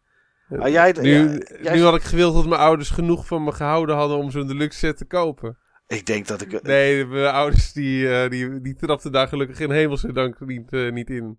Nee, dat is veel te Ik veel ben, in ieder geval, ik ben in ieder geval heel blij met mijn normale losse console eh, set. eh, met gewoon goede spellen die ze er los met liefde hadden bijgezocht. Op basis van eh, mijn voorkeuren. In plaats van een of andere pre-pack met allemaal onzin die je helemaal niet nodig had. Ja, ik heb zo'n family pack met een, met een zapper en eh zo'n action set met zo'n zapper en met Mario en, eh en Duck Hunt. Ah, Ja, de, de meeste mensen uit die tijd. Ja, ja. Die, mooi, die mooie oranje zepper. Omdat ze bang waren dat we anders dan zeg maar daarmee op straat eh, gingen rondlopen. En dat we dan neergeknald zouden worden door de politie. ja, dat we mensen zouden overvallen ook. Ja, want die grijze zepper die ziet er echt eh, ja, enorm, eh, ja, Realistisch. enorm eh, realistisch uit. Ja. Die moesten ze echt nog oranje maken om ervoor te zorgen dat mensen niet gefopt werden. Oh, oh, oh. Wat zijn we toch een hoop voor, door de voor de gek gehouden in al die jaren met al die stukken plastic. Ja, goed hè. Maar eh, het meest schandalig vind ik nog die stukken plastic die je gewoon laat, die je net ook aan eh, stipte, Mike. Gewoon die, al die omhulsels voor je Wii-controller. Ja, ik Ja, zie ze op rommelmarkten. Sports, ja. Je ziet ze op rommelmarkten zoveel liggen, jongen, nog. Oh, hele kitjes. Wii, Wii, Sports, Wii Sports speelt gewoon zoveel beter op het moment dat je je Wii-mode in een tennisracket kan klikken. Op het moment dat je zeg maar mee aan het tennissen bent. Ja. En een, en een golfstikje van eh 10 centimeter. Dat eh, voegt ook echt toe hoor, in je, in je balgevoel. Ja. ja, of een stuk lightsaber erop voor die, voor die zwaardvechtgame. Of wat dacht je van? Hè? Het Waren is- die er? Ja, die waren er. In zo'n home sports ding zaten 20 elementen. waarvan er dan Oh ja, ja. zoveel verschillende in zaten. Ja. En er zaten die stuurtjes zaten erin, er zat een pistooltje in en een tennisracket en zo'n golfclub, maar ook tafeltennis. Echt, hoeveel fucking plastic kun je gewoon verkeerd inzetten om dat soort troep te maken, joh? Ja, dat is, Ja. ah, het is Maar echt. vind je dat nou erger dan Rob? Ik bedoel, zo'n pak plastic kost wat, 20 euro of zo. En ja, die gooi je daarna weg. Maar zo'n Rob, daar heb je superveel geld voor betaald. Dan moet je twee games verkopen die echt super mediocre zijn. Ja, ik vind het erger dan Rob. Oké, Ja, ja, ik vind vind, het erger het dan ook Rob. erger dan Rob. Rob straalde nog een beetje kwaliteit uit. Dit is allemaal third party, wat Nintendo heeft gelukkig die onzin volgens mij nooit gemaakt. Behalve zo'n stuurtje wat bij Mario Kart, eh, Mario Kart zat voor de Wii. ja. Ja, en een eh, gun controller voor die, voor die eh, Zelda, Link, ja, voor die, die Link, crossbow game. Ja, En die, nou was ja. wel, die was wel goed ook. maar al, En, dat, en dat stuurtje, dat stuurtje voegt ook echt wel toe, vind ik. Jawel, daar speelt het wel een stuk makkelijker mee dan alleen zo'n controller in Ja. je handen. Dus dat hebben ze wel, dat hebben ze wel goed gedaan. Maar ja, al die andere dingen, dat werd allemaal gewoon door, ja, door Big Ben en, en allerlei andere plastic fabrikanten gemaakt. Ja, dat is echt dramatisch hoor. Zo'n Rob, daar zat nog, een beetje- daar zat nog techniek iets in. En dit, ja, dit is gewoon plastic troep man in zo'n goedkope Chinese plastic zak. Die je openscheurt. Of zo'n zo'n kartonnen doos met gaten erin. En, het is, en dan ook nog in het wit en in het zwart. Dat als je stoerder wil zijn, dat je de zwarte editie koopt. Nee, het, ik vind het verschrikkelijk, joh. Ja. Maar jij, Niels, ben jij ooit nog te porren voor accessoires? Nee, toch? Jawel, ik ben altijd te porren voor accessoires. Nou ja, ligt eraan wat voor accessoires. Bijvoorbeeld, ik zie ehm, de Oculus Rift nog steeds heel erg zitten. Hoewel eh, ik inmiddels de Samsung Gear VR ook geprobeerd heb. En die vind ik op dit moment indrukwekkender. Oké. Qua respons, qua scherpte, qua eh, besturing. Je hebt zeg maar een soort van touchpad op de zijkant van de bril zitten, waarmee je kan, eh, kan sturen. Of in ieder geval gestures kan gebruiken en een knopje erbij. Dus je kan met alleen een bril en wireless en verder geen computer of zo, kun je gewoon je ding doen. Werkte best wel goed eerlijk gezegd. Maar er zijn nog niet echt veel toepassingen voor natuurlijk op dit moment. Nee. Maar ja, nog steeds zie ik dat domein in ieder geval wel zitten, dat virtual reality. Ehm, of dat dat nou op consoles goed gedragen gaat worden, dat vraag ik mij af. Ehm, bijvoorbeeld eh, Morpheus. Ik denk dat Morpheus toch een soort move gaat worden. GDC gaat in ieder geval vier uur aan Morpheus wijden. Ja. En eh, dat pakt de media dan vaak gek genoeg op als iets heel positiefs. Terwijl meestal als op de GDC iets eh, gedemonstreerd wordt, dan zitten ze verlegen om developer support. Oké. Want de GDC is voor de developers, niet voor de mensen thuis. Nee, dat is ook zo. Dat is ook zo. Het is inderdaad. eh, ja, oké. Dat is wel. Ja, op die manier had ik er nog niet naar gekeken, moet ik zeggen. Elke keer als inderdaad een soort van nieuw hardware-innovatie ding is, of bijvoorbeeld Nintendo's indie-programma, toen hebben ze ook een GDC lang eh, dat heel groot uitgeweid. Dat was niet omdat er zo ontzettend veel indies waren, maar omdat ze nou liever wat meer indies hadden gezien, denk ik. Hmm. Maar goed, ehm, de HoloLens, kijk ik ook naar uit van Microsoft. Ja, ook hetzelfde laken en pak een beetje ook zo'n VR-oplossing. Ja, maar dat Ja. vind ik wel een heel gaaf ding hoor. Jawel. Ja, correct. Daar kijk ik naar uit, eh, Niels. Dat Ja? vind ik nou echt een gaaf ding. Ja. Ik zat dus vanochtend eh, op mijn werk nog te denken. Van mijn werkplek van de toekomst. Hoe die eruit zou zien. Dat is gewoon. In plaats van nu achter een bureau met een pc en zo. Heb ik liever gewoon een wit plafond en een hangmat. Zodat ik gewoon eh, naar het witte plafond zeg maar door mijn eh, holo laptop heen kan kijken. Ik kan gewoon in de lucht typen. En je kan gewoon de hele dag kip kluiven. Omdat je eigenlijk. Je vingers hoeven toch niet schoon te zijn. Want je hebt niet een echt toetsenbord, snap je? Ja, dat eh, klinkt goed, Niels. Wel slabbertje om, want het gaat natuurlijk wel spetteren als jij met je handen aan het, zwe aan het zweven bent door de lucht. Dat maar ik denk dat type heel irritant is, omdat nu je je handen laat rusten op iets. En als je dat, als je dat in de lucht moet doen, ja, dan weet ik weet het niet. Ik denk nog steeds dat, het, dat de wereld er niet klaar voor is. En eh, met, met dit soort dingen. En ik heb, er, eh, ik, ik heb Project Morpheus dan getest. En ik denk toch ook, nou goed, daar hebben we het eerder over gehad ook, maar dat het, het sociale aspect vervaagt gewoon heel erg. Nou kan je bij eh, HoloLens zit er nog wel een soort van bril iets, hè? dus je kan gewoon nog wel Ja. naar mensen kijken. Maar met zo'n Morpheus of met zo'n Oculus Rift, ja, weet je, eh, Bianca kan zomaar bij me weglopen zonder dat ik het door heb als ik zo'n ding op heb. Ja, dat klopt, ja. Ik zit daar niet zo heel erg op te wachten. Maar goed, dat is. Weet je, misschien wordt het later. Heel, heel, heel, heel, heel lang geleden had Sony al zoiets, hè? Dat was volgens mij met de Play, in de PlayStation 2 tijdperk. Hadden ze ook een bril. Maar er was echt een pure bril waar dan twee schermpjes in zaten. Dat was nog in Ja. de tijd dat de Virato er nog was in Nederland. Nou, dat is volgens mij, praat ik over 2000, was de laatste. Toen had Sony ook een bril met twee schermpjes erin.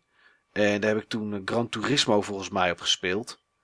En eh, daar de rest van de dag had ik knallende koppijn. En ja, dat is het toen toch ook niet geworden. Ze hebben het wel laten zien en ze stonden ermee op beurzen. Maar het, het- ja, het is nooit in de winkel gekomen. Geen idee meer hoe het heet trouwens. En je kon er ook film op kijken. Maar Als we dan toch over dit, soort accessoires eh, hebben. Sega had voor de Master System al een 3D-bril. ja, dat klopt inderdaad, ja. Ja, een stereoscopische 3D-bril. Met eigenlijk in grove lijnen een van dezelfde principes eh, die aan de kern daarvan staat. Die tot op de dag van vandaag gebruikt wordt in eh, 3D-brillen. Ja, Zeg maar om en om je oog verduisteren. ja Shutter glasses. Shutter glasses inderdaad, ja.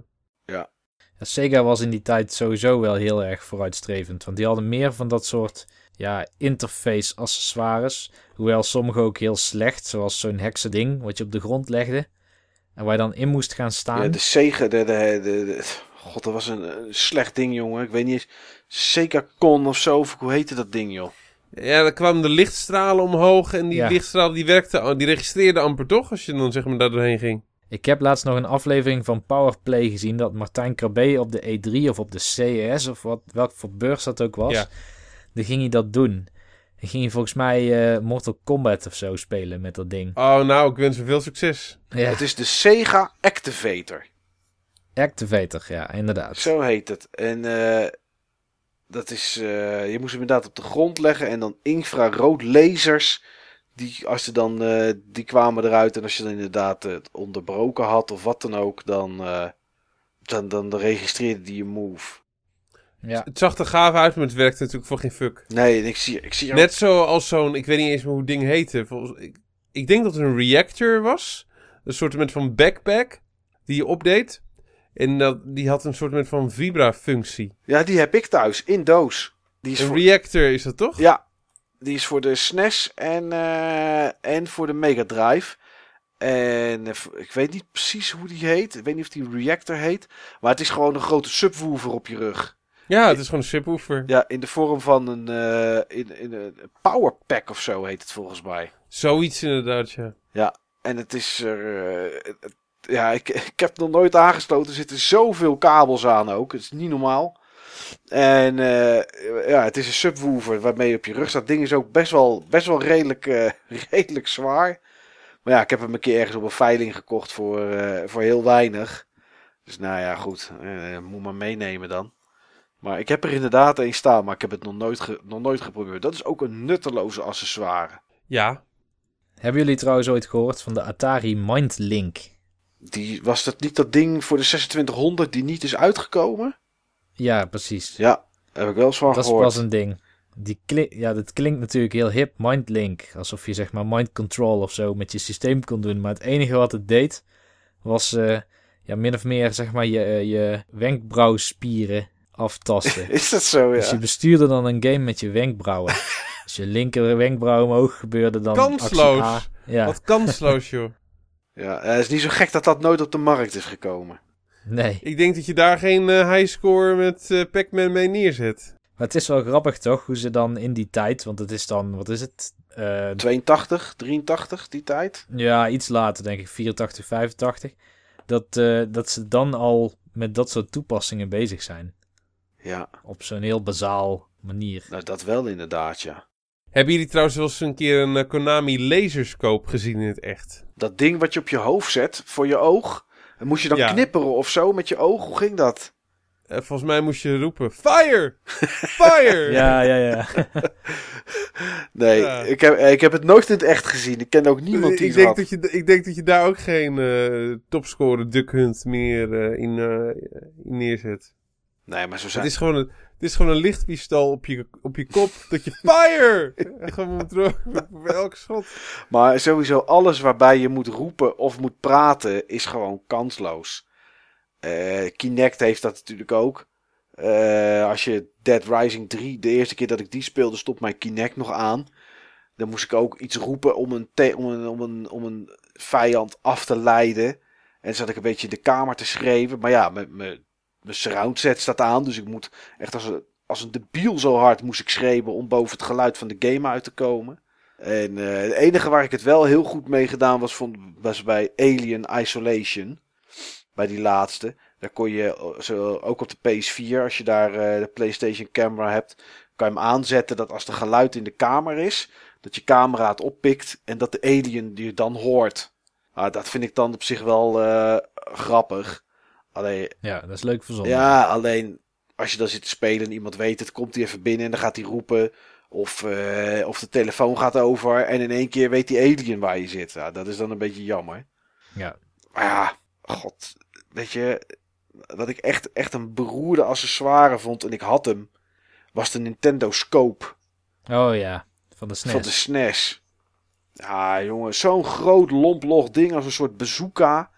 En dan eh, met een sensortje boven op je tv moest je erbij leggen. Er waren geloof ik twee of drie games. Nou, dat was toch ook... Wie verzint dat, joh? En wie keurt dat ook goed? Volgens mij vier of vijf spellen inderdaad, ja. Ja, Die Yoshi Safari game, die is dan volgens mij wel cool. Eh, Je had ook zo'n spel met van die hele grote beeldvullende robots. twee twee eh, games met van die Max inderdaad, ja. En zeg maar dat, dat Scope 6. ja, Scope 6 inderdaad. Ja, die je voor 5 euro kan kopen op een beurs. Ja, omdat een... Honderden cartridges kom je daar tegen. Geen enkele scope, maar die cartridge kom je honderden keren Ja, tegen. niemand heeft die... Ik heb hem ook... Ik heb hem Voor volgens een ook- eurotje lukt ook nog wel hoor, die game. Denk het wel. Eh, volgens mij, ik had hem, maar volgens mij heb ik zo stom geweest om dat ding ooit eens met een verhuizing weg te gooien. Ja, misschien, heb het, misschien is dat een accessoire waar ik ook geen spijt van heb dat ik die weggegooid heb. V- verschrikkelijk. Ja, toch, toch heb ik wel ook een goede accessoire. Ik zat, we hebben het er nu natuurlijk meer over. En ik denk dat jij die, die nou die heb jij ook, Steve. Vertel. De VMU. Ja, dat vond ik echt een leuk ding. Ja, de VMU voor de Dreamcast. Een memory kaart en kleine, kleine handheld in één, zeg maar. Ja, ik, ik vind het meer een soort van benodigdhe- benodigdheid. Benodigd, ja, benodigdheid. Nee. Ik vind meer dat je hem nodig hebt. Dat- Anders kon je niet saven? Nee, klopt. Je had wel gewoon eh, memory cards natuurlijk. Die waren er wel gewoon los, zonder, eh, zonder Ja, maar display. dit, dit, was de first, dit was de first party memory card. Ja, ja. En dat was toch wel, eh, ondanks dat het een accessoire was, se- semi-accessoire, volgens mij had iedereen hem er wel bij. Maar was dat toch wel een coole accessoire. Zeker. Ja. Zeker. Het displaytje Die, die Rumble Pack voor de Dreamcast vond ik ook echt goed werken. Ja, maar je controller werd er wel zwaar van. Vond ik juist wel fijn, want die controller was vrij licht, hè? Ja, dat wel. Zonder iets erin was het wel eh, Ja. was een heel stuk lichtje. Dus dat voegde tenminste ook tenminste een beetje, een beetje body toe. Ja. ja. Ja, dat is wel zo inderdaad. Ja, en eh, wat ik ook echt een essentiële controller eh, vind, is natuurlijk de Fishing Rod controller voor de Dreamcast. Ja, Sega Bass Fishing Reel. Sega Bass Fishing Reel inderdaad, ja, want anders is je Dreamcast collectie echt niet compleet hoor. Nee, En de samba-ballen. En de Samba ballen. ja, Samba de En, Amigo. en natuurlijk eh, de Seaman eh, controller, van dat je zeg maar eh, tegen je zeevisje kon praten. Maar die Samba-ballen toch even, jongens. Van Samba di Amigo. Die zijn nog fucking duur hè, origineel. Ik weet dat ehm, in die tijd was... Die kwamen volgens mij een beetje tegelijkertijd... Nou, ik weet het niet. Ik weet niet. Ik, ik was een keer in de gameshop in Den Haag om iets te kopen. En toen had hij ze daar staan. En die waren dan ook nog... Die waren dan wel geïmporteerd. Want hier in Nederland kwamen ze niet. Of pas heel laat. En die mensen legden gewoon 600 euro... Of 600 gulden was het. 600 gulden neer. Dus nou ja, als je het hè, omrekent naar vandaag de dag... Slaat helemaal nergens op. En voor nou, een stel Samba ballen. met één game. Want volgens Ja. mij is er, is, er, is er niet meer dan één game uitgekomen. Eh, ik weet het niet. Misschien is er een Samba di Amigo 2 uitgekomen. Dat zou nog kunnen. Maximaal twee, maximaal twee. eh. Ja. En later is voor de Wii uitgekomen. En toen vond ik dat zo zielig voor al die mensen die... eh, ja, maar dat werkte ook voor geen fuck, joh. Ja, dat werkte niet zoals de originele Samba-ballen. Nee, maar, Nee, die was echt moeilijk op de Wii. maar ik vond het, gewoon wel, vond het gewoon wel zielig voor die mensen. Weet je, Eh, heb je in, in, eh, ergens in 1999 of 2000 heb je onwijs duur eh, die Samba-ballen gekocht. Die, die, die Maca- Maracas of Macaras of hoe dat ook heet. Maraca-controllers. Ja. En dan Ja. even later, dan komt het gewoon op de Wii en dan kan iedereen het spelen. Maar ik denk toch wel, jongens, want ik heb natuurlijk een lijstje gemaakt met goede en slechte eh, eh, accessoires. En we lopen er nu toch al zo te pas en te onpas een beetje doorheen. Ja. Ik denk dat ik wel de slechtste accessoire ooit heb gevonden. Dat is de Wii Car Adapter. De Wii Car Adapter. Ja, er is een 12 volt car adapter gekomen voor je Wii. Zodat je hem in de auto ook kon gebruiken. Ik weet niet op welke tv. En ik weet niet hoe je in hemelsnaam ging met, met je Wii Mode op de achterbank ging zitten zwaaien. Wat kansloos. En dan tegen de raam of tegen je zusje die naast je zat slaan. Of, of je moeder op de hoofd of wat dan ook. Maar er is gewoon een Wii car adapter is er gewoon ooit uitgekomen. Het grappige is, een Wii U car adapter zou ik weer wel voor kunnen stellen. Ja, omdat je op de gamepad kan spelen. Ja, Ja, die doet het denk ik niet op 12 volt. Ja, dat is echt een slecht ding zeg. nou, Ja, de Wii had dat sowieso meer. We hadden net al die plastic dingen. Maar wat te denken van Wii Speak. Ja, We Speak. ehm, Oh, die heb ik. die Animal Crossing game, toch? En meer eh, is er volgens mij niet wat er gebruik van maakte. Ja, je kon... Ja, ik heb hem bij eh, Monster Hunter gekregen. Ja, want bij Monster Hunter kon je hem namelijk ook gebruiken. Er zijn nog wel meer games geweest die, die iets van multiplayer hadden. Dan kon je hem neerzetten in de kamer. Dan kon je zeg maar chatten. kon je voice eh, chatten. Alleen, ja, dat is... Heel de kamer werd opgevangen. Want het was natuurlijk alles voor de familie. Dus wie speak. En, Ja. en, en volgens mij is op een gegeven moment in allerlei games is het gedisabled. Want mensen gingen gewoon allerlei vuige dingen naar elkaar lopen roepen. Ja, dat kan natuurlijk niet bij Nintendo. Wie speak. Nee, klopt. En het was sowieso was de kwaliteit heel erg matig, kan ik me herinneren. Ja, het was een heel klein dingetje. Je zet het bij je tv neer, was dan de bedoeling. Ja, ik pikte ook gelijk het geluid van de tv weer op. Ja. Kansloos. Ja, echt. Kansloos ding. Ja, wat dat betreft. Nou ja, Nintendo was er sowieso koning in. De Game Boy camera. Hoe kansloos was dat? Wat, waar je foto's mee kon maken. Ja, wat moest je daarmee, joh? Maakte je foto, dan printte je hem uit. Zag er niet uit. En dan? Volgens mij eh, hangt dat meer samen met die, wat is dat, purikuri of zo. Je hebt zo. In Japan heb je heel veel van die, van die pasfoto-hokjes waarin je foto van jezelf kan maken. En dan kun je vervolgens met hartjes en stickers en glitters en meuk allemaal Ja. eh, aankleden. Ja, want het zag er ook zo goed uit. De Game Boy. Ja, als je een printer had, dan had je er nog iets aan. hè? ja, dan had je er nog iets aan. Maar dat was natuurlijk ook verschrikkelijk. Ja, wat, ik heb zelf ook zo'n eh, zo'n GBA e-reader. Dat is nog voordat een e-reader een ding was waarop je boeken kon lezen. Wat was dat dan, joh? Was dat een losse accessoire? Ja? Ja, die klik je in de cartridge slot van je Game Boy Advance. En dan kon je zeg maar van die, ja, net als Magic Booster Packs kopen. En er zitten dan acht kaartjes in. En er stond dan bijvoorbeeld pinball van de NES of zo staat er dan op. Dan ben je dus eerst een kwartier aan het scannen. En als alles goed gegaan is, dan kun je daarna pinball spelen. En als je hem uitzet, is het weg. Dan kun je weer opnieuw beginnen. Wat slecht zeg. Dat is echt slecht. Ja, dat is echt slecht inderdaad.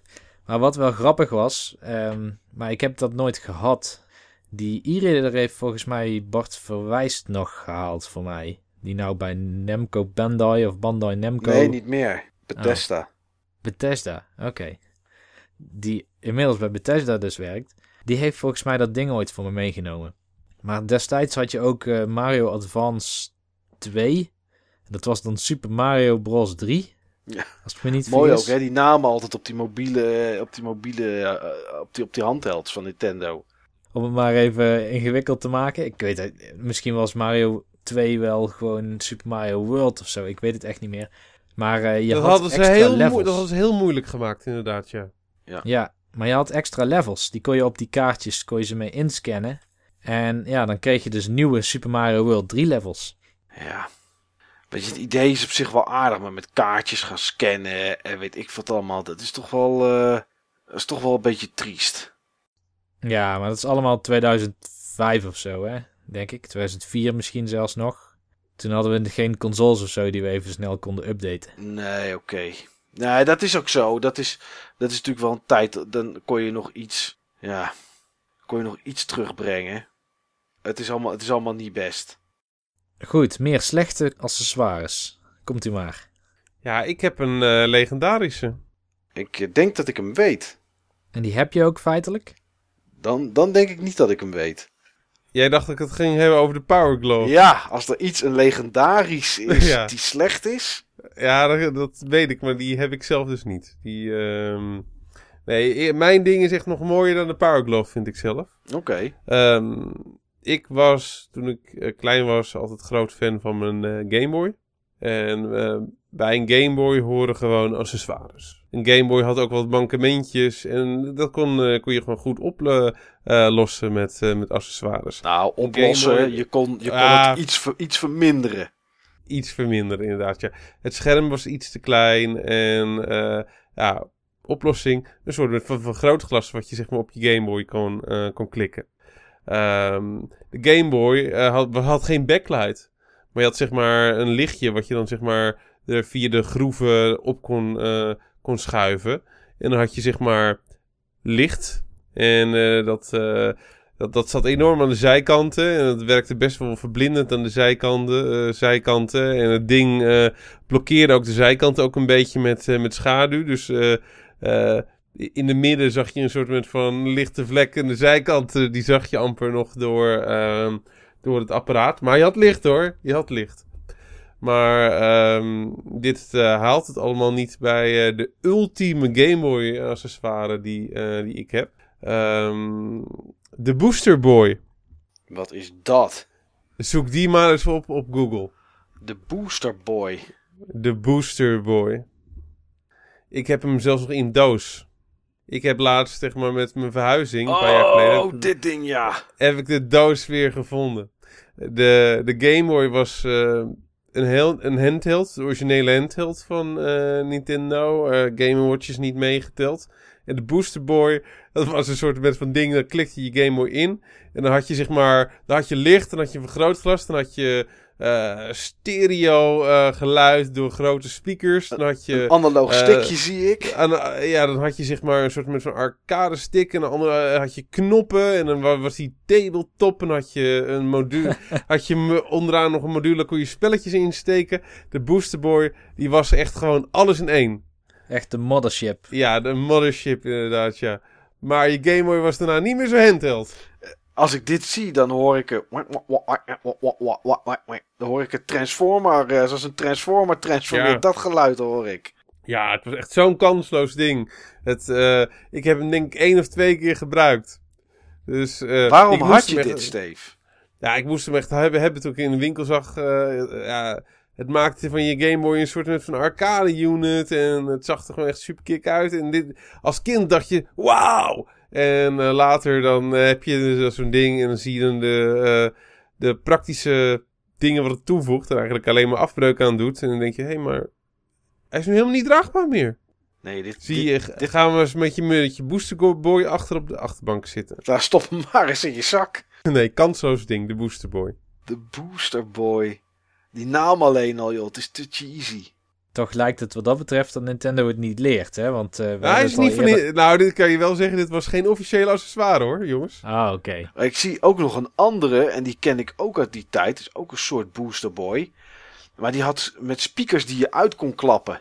Dat was helemaal... eh, Oh ja, de, super, inderdaad. de Superboy. Het zou zomaar kunnen dat hij zo heet. Het is toch verschrikkelijk, joh. Ja, die heb ik hier nu ook. De Handy Boy. De Handy Boy. Ja, moet je maar eens even kijken op, eh, op Handy Boy. Oh, ik zie het staan. een- Game Boy, Handy Boy. Nou, zo handy Ja. is die niet. eh. Zo handy is die niet, inderdaad, nee.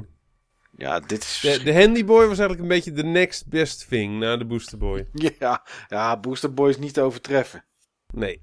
Jeetje, wat een troep zeg. Mooi hè, mooi hè. Als je zo'n Game Boy ziet eh, eh, in zo'n eh, in zo'n Handy Boy. Het lijkt een soort met van monster van Frankenstein dan. Ja, het slaat helemaal nergens op, joh.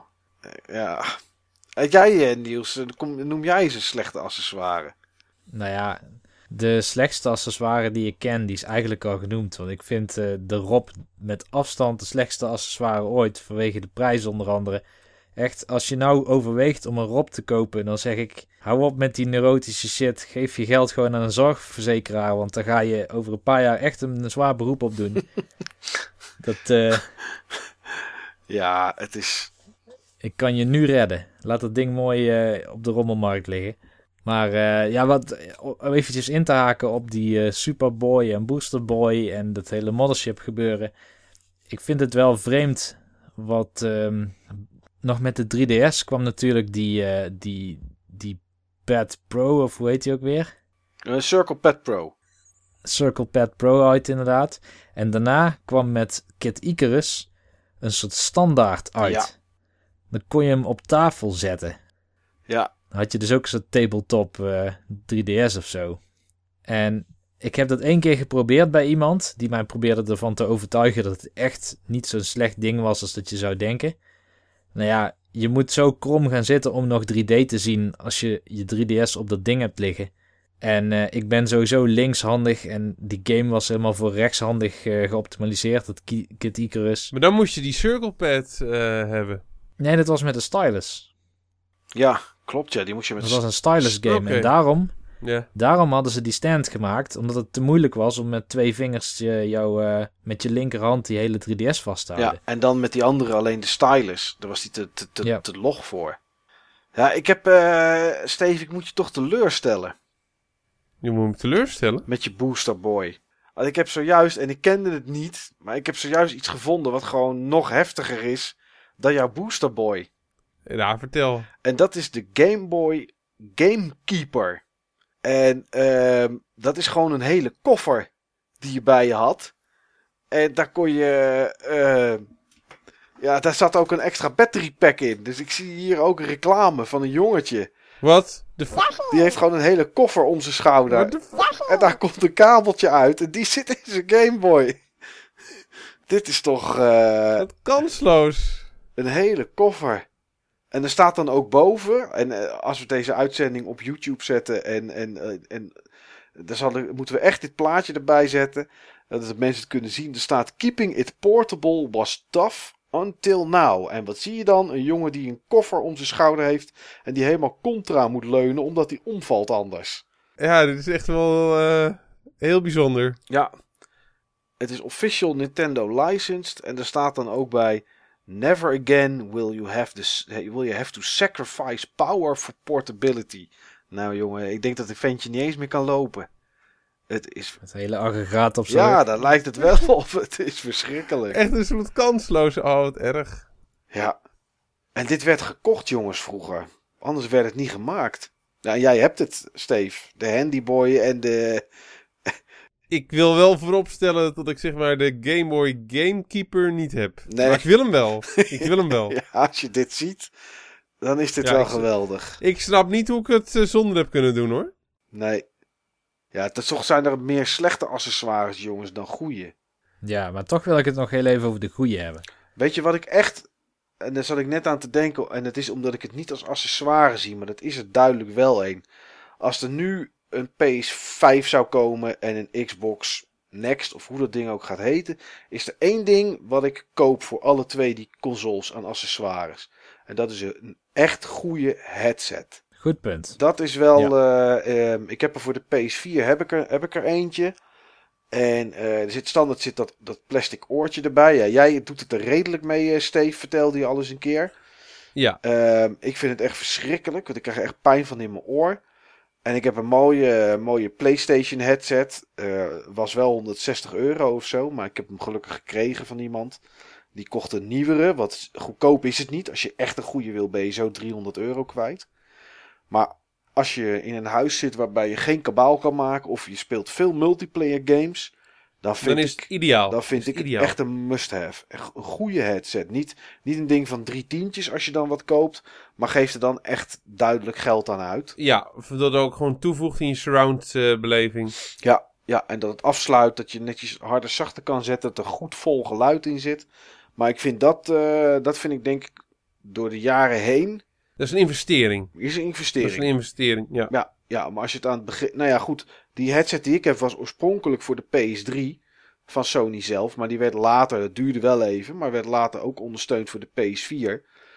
En eh, doet het voor de rest perfect. Dus ja, weet je, dat is een investering geweest ooit door, niet door mij dus, maar door iemand anders van 160 euro. En daar kan je toch een jaar of tien mee doen als de batterij het eh, vol blijft houden. Perfect, perfect. Ja, ja dat vind ik wel, eh, dat vind ik wel een accessoire die, wel, die eigenlijk niet mag ontbreken. Ja, Steve, jouw eh, accessoire is natuurlijk een 42-inch plasma tv.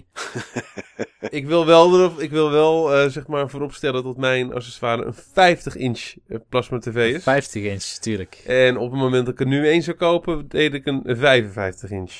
Aha. En ik heb, ik heb echt niks te compenseren hoor. Nee, nee, dat is prima voor de rest. Ja. Ehm, ja, als ik zeg maar een accessoire uit zou ehm, moeten zoeken waarvan ik vind dat het een goede accessoire is, dan ehm, ga, val ik toch gewoon eh, terug op volgens mij de eerste accessoire die ik heb eh, genoemd na die Advantage. En dat is eh, de Zapper.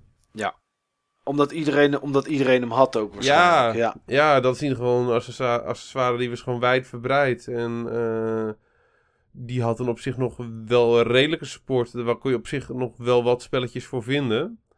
En ja, dat bracht dan toch zeg maar ook weer een stukje van de speelhalervaring naar huis, vond ik. Nee, dat is zo. Dat, dat, dat is zo. En, eh, en het, ik vind wel van alle accessoires vind ik een light gun wel de leukste accessoire. Of die nou veel gebruikt wordt of niet. Maar dat je kan schieten op je tv om targets neer te schieten, dat is toch wel echt heel gewoon leuk. tof. Ja. is gewoon tof.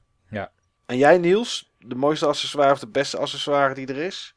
Nou, in ieder geval mijn meest gebruikte accessoire. Dat is de Wii Wheel. Oké, voor je Mario Dat plastic Kart. ding. Precies. Die gebruik ik nog steeds. Ook Mario Kart 8. Ik speel alleen maar met stuurtje. Stuurtje for life. Oké, geen, eh, je pakt niet de, Pro Controller of de Wii U Gamepad. Nee. Ik heb één keer met de Pro Controller gespeeld. Ehm, en op de gamepad ook. Dan zet ik hem gewoon op die tilt functie. Ja joh. Ja. Oké. Dat, is, eh, dat vind ik leuker om te doen. Eh, het geeft mij iets meer gevoel voor het spel of zo. Ik vond het ook wel echt heel leuk om hem op die manier te spelen op de Wii. Ja. Het is misschien iets minder precies. Maar, eh, maar wat je, je, ja. dat krijg je gewoon dubbel terug qua fun factor. precies, dat is het. Ben ik eh, volstrekt met je eens, eh, Niels. Wel aan. Ja. Virtuele duim omhoog. Oké. Ik wil nog één Ja. slechte accessoire noemen trouwens, jongens. Die heb ik nog op mijn lijstje staan. En dat was voor de PS3, volgens mij ook voor de Xbox 360. En dat is die Resident Evil 4 controller, die, eh, die kettingzaag. Ah, dat is gewoon Oh, een, dat is ja. een collectors item, man. Ja. Dat, is een- dat, die- dat ding is gemaakt als collectors item. Maar wat een slechte accessoire. Daar kon je echt niet mee spelen. Ja, maar dat is er helemaal niet voor gemaakt, joh. Dat ding is gewoon gemaakt om neer te zetten met of zonder doos. Snap ik, met zonder doos. Maar eh, het is wel een slecht ding. Ik vind, dat, Ja. ik vind, vind dat die niet... Die kunnen, ik moet hem gewoon genoemd hebben. Slecht ding, mooi collectors item. Dat wel. Maar een slechte accessoire. Ik denk dat het een hele slechte controller is. Ik heb er nooit mee gespeeld. Ik één keer. Ik ken, ik ken voor de rest ook geen mensen die er daadwerkelijk mee gespeeld hebben. Maar ik, eh, ik wil het direct geloven. Ja, dat was niet heel best. Tja, waar we deze aflevering nu niet over hebben gehad. Maar we hebben natuurlijk een keuze gemaakt. We hebben toch meer aan de interface of aan de controlkant gekeken. Met accessoires. Maar natuurlijk eh, heb je zoveel tasjes, meukdingetjes, stickers om je console op te leuken en zo. Maar dat is niet echt iets waar we deze aflevering aan wilden wijten. Nou ja, dat zijn meer de accessoires van eh, de Primark. Tasjes en stickers en nagellakjes. Ja, maar goed, eh, voor tasjes, bijvoorbeeld mijn 3DS heeft ook wel een tasje. Zodat ik mijn cartridges en mijn 3DS gewoon in één pakketje heb zitten in mijn rugzak bijvoorbeeld. Ja, dan ga ik toch nog even iets zeggen hoor. Ik had, eh, vroeger had ik zo'n... Heel veel mensen moeten hem ook gehad hebben. Had ik zo'n geweldig koffertje voor mijn, ehm, voor mijn NES games. Die, dat Mario er- koffertje, of niet? Die Ja, blauwe. Mario koffertje. Daar, Ja. konden, ja, daar konden er 24 in. En dat is de reden waarom ik eh, mijn doosjes nog steeds zo mooi heb van mijn NES games. Want die lagen Die in de lagen kast. ergens ge- in de kast. En al mijn NES games die zaten in dat koffertje. Ja, ik heb dat nooit... eh, ik, ik heb dat nooit gehad. Bij geen enkele console, denk ik, zo'n soort draagtas. Nou, je Gamecube had een hendel. Ja, Die had gewoon zo'n... ja dan eh, kon je mee over straat als een soort ghetto blaster. ja. Als, als handtasje. Kon je- Ik, ik bewaarde er mijn kleingeld in als ik naar eh, school ging. ja, nee. nee, nee, nee. Oh, jongens, jongens, jongens. Ik, eh, Nee, ja, dat soort accessoires, daar zijn er is ook zo ontelbaar veel van gemaakt. Zeker voor de DS. Oh man, daar zijn zoveel tasjes en opbergdingetjes voor eh, gemaakt. En allemaal van die, van die losse stylus met, met eh, poppetjes erop. En screen protectors. Oh, nou ik heb wel eens een ke- een keer een, een, een 3D of een DS gezien waarbij door de screen protector heen gekrast was. Dat was eh, kinderen. dat is niet zo moeilijk hoor. Dat is niet zo moeilijk. Nee, kinderen die konden dat behoorlijk goed. En eh, maar ja, dat. Op zich zijn dat wel. Kijk, net zoals voor de, voor de Game Boy Color waren ze er volgens mij voor het eerst. Misschien ook voor de Game Boy, dat weet ik niet. Maar de eh, accupacks om je batterijen te vervangen voor een accupack. Ja, dat zijn gewoon zinvolle accessoires. En ze zijn er nog steeds. Want als je een Xbox One koopt, dan moeten er nog steeds penlights in. En heb je Play and Charge Kit. Ook, ook een Ja. accessoire, maar dat, die is wel echt onmisbaar ook inderdaad.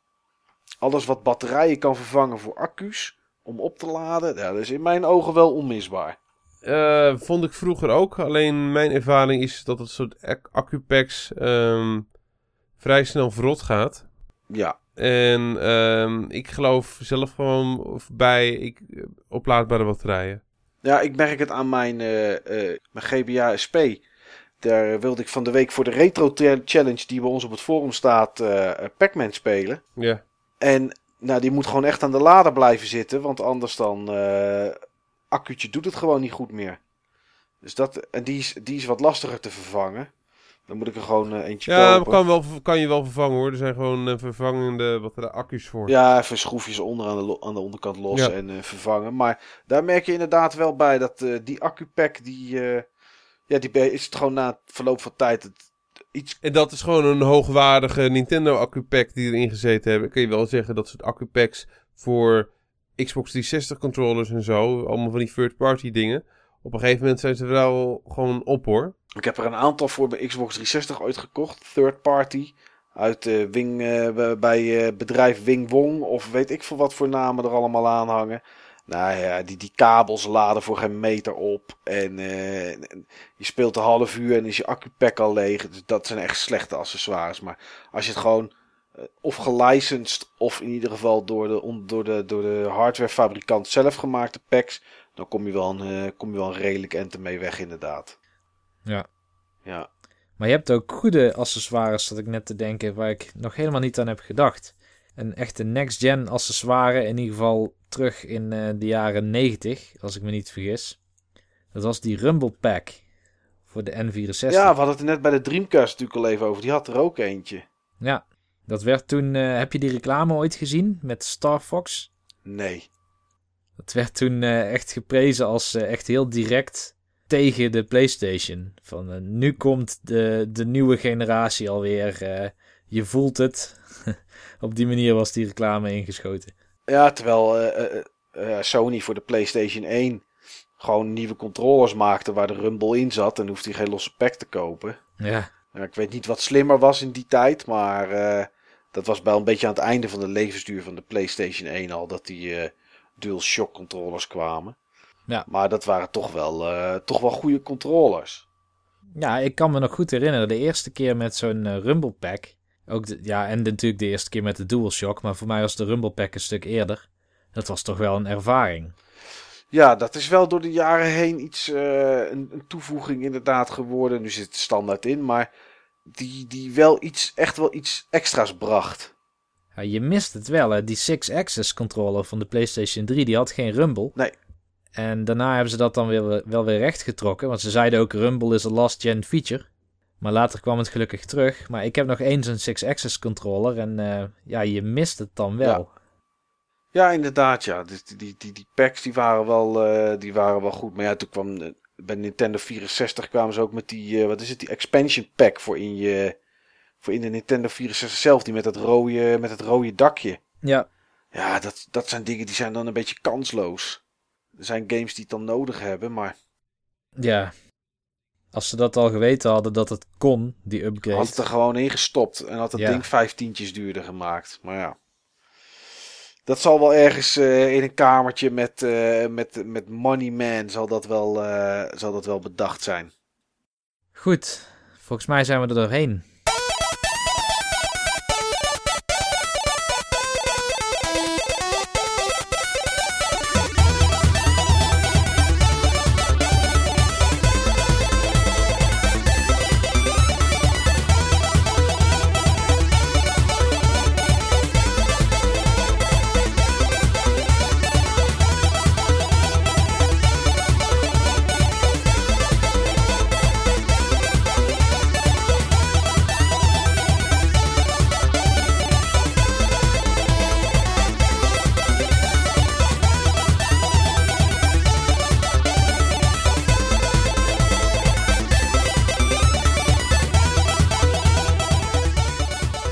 Denk dat we aardig wat accessoires en zo hebben behandeld. Dat denk ik ook wel.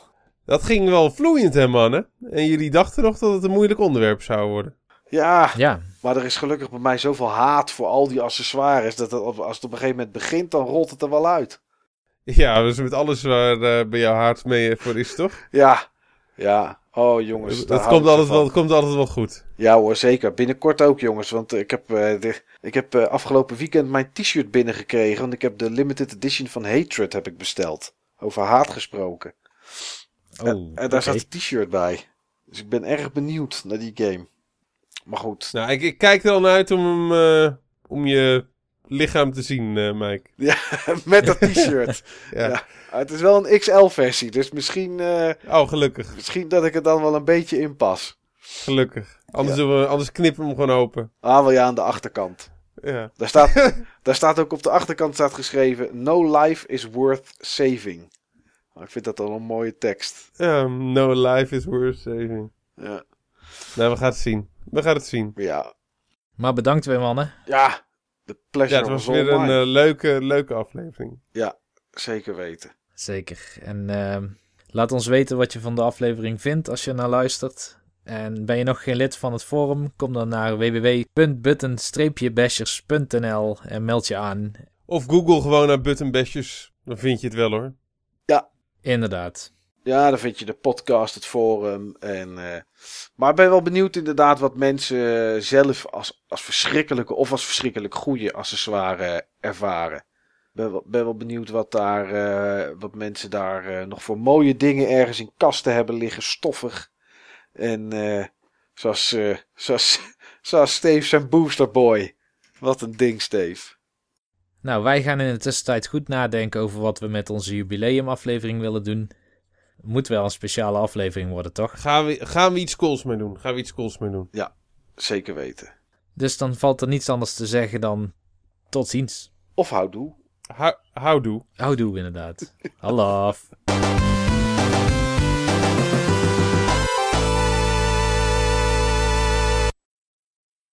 Laat ons weten wat je van de aflevering vindt als je naar luistert. En ben je nog geen lid van het forum? Kom dan naar www. Oh, www.buttonbashers. Oh, daar zit een streepje tussen.